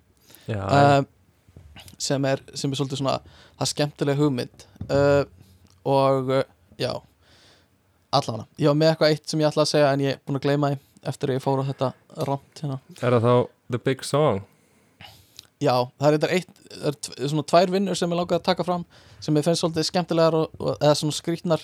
Í fyrsta lagi er það þegar við vorum á studenthótelinu þá letum við stundum út um gluggan og á lestastöðinu við hliðina okkur á planinu þar þá var eins og það væri eitthvað svona hópur af fólki alltaf í vinnunni já, og stóð fyrir svona í kringum einhvern eld þar sem þau voru að kveikja í einhverjum eldi og þau gerðu þetta bara reglulega bara svona þrísvar í viku eða oftar einu svona dag eða eitthvað var kveiktur upp einhver eldur á hana planinu ég held og já, ég bara, ég bara, ég, ég svona mér það svo skrítið þú veist, þetta er kannski eitthvað til að testa þú veist, slökkvitæki eða eitthvað. Já, ég hugsaði það líka sko. Ég held að sé Já. það sko. Já, geti verið. Þú veist, bara mjög fyndið vinna. Uh, og hitt er uh, pældu í því að vera gæinn sem fyrir svona image recognition. Já, þegar þú býr það til þá þarfst að hafa fullt af gögnum fyrir það. Svona gerfugreindina, þá þarf Mhm. þarfst að mata gerfugreindina fullt af gögnum. Og eins og þú ert að leita þú ert að búa til svona myndgreini image recognition fyrir svona grænan kannski tennisbolta? Mhm, þá þarfst að gefa mótilinu fullt af grænum tennisboltum. Mhm. Og þá þarfst að búin að vera að fara í gegnum fullt af myndum og merkja þetta er grænt tennisbolti. Já, þetta er já, grænt tennisbolti og eitthvað svona. Já. pældi hvað er ótrúlega erfið vinna þegar þú ert að leipila eitthvað svona, svona detekti eitthvað kynferðislegt eins og þú þarfst að þú veist, vinnu bara við það í marga tíma á, á dag bara að horfa myndir af tippum og bara já þetta er tippi þetta er pilsa, þetta er eitthvað annað þetta er tippi, þetta er tippi eitthvað svona og þú bara vinnu við og þú veist, getur verið kynferðislegt eða bara eitthvað svona rosalega óþægilegt að horfa á já, ég veit að þetta er svona svipað löggar, löggur sem þurfa að fara í gegnum fullt af þú veist, barnaklámsefni bara Já. til að, það þarf einhver að gera það skilur, já, bara til já, að já. Þú veist, fara í gegnum hversu mikið efnið er og hvað þetta er og eitthvað Já. svona bara til að geta sagt það fyrir dómi Já. en það þarf einhver að vinna við þessa ógislu vinnu Já, að þú veist- pældi leipela allt svona viðbjöslegt og ógislegt skilur og, og fyrir eins og gerðugrein þá þarf alltaf einhver að vera fyrstur til að leipela svona hluti bara hand, með, með höndum sko. Það eru konar að góða þjónustu fyrir þetta sem getur borgað einhverjum sem býr þá í landi sem er allt annað currency Já, og bara hann vinnur í þessu. bara fyrirtæki í Evrópu senda bara út bara einhvern pakka Já. myndum og bara þurfum að leipila þetta og borga Einmitt. bara eitthvað þú veist sem er auðvitað bara Einmitt. peningu fyrir manneski sem býr bara eitthvað þar í skilur. Já, emmitt Já, algjörlega sko. Um, Allána, það var svona síðast sem ég all- ætlaði að tala um. Um, Já, lægið Góða og stóra. Búið að vera Um, tíu ári í vinslu tí- tíu Tíu ára vinslu Þetta er basically eitthvað demo sem þú bjóst til um, fyrir löngu síðan. Þetta er 1.20 að lengd. Beat sem það bjóst til og ég gerði texta við þetta líka fyrir löngu. Þetta er einhver gammal texti. Og ég ákvaði gerkvöldi bara akkur ekki bara að, að henda þessu upp setja þetta hérna og bara Um a kvöldið þegar- þegar allir eru sofandi að taka upp bara eitthvað uh, uh, einhver drasl texta hérna hægt að tala Og- þetta niður, við erum að selja þetta. Uh, þannig að við ætlum að enda þáttinu að spila þetta. Er ekki bara þannig? Og þegar þetta er búið þá er þáttinu búin Jú, og hérna Bye. við ætlum bara að spila það fyrir ykkur. Bye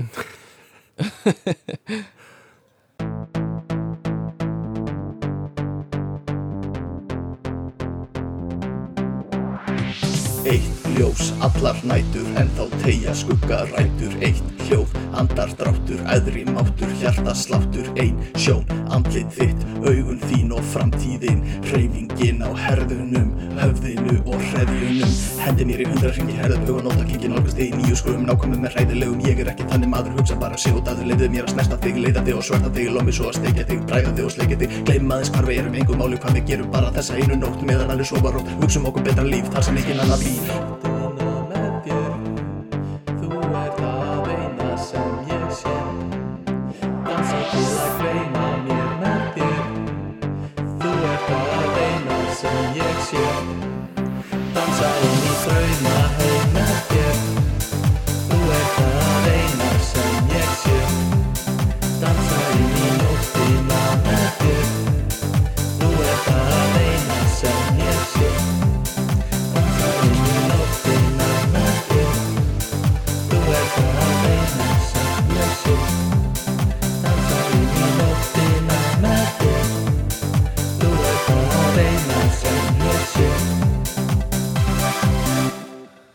Yay!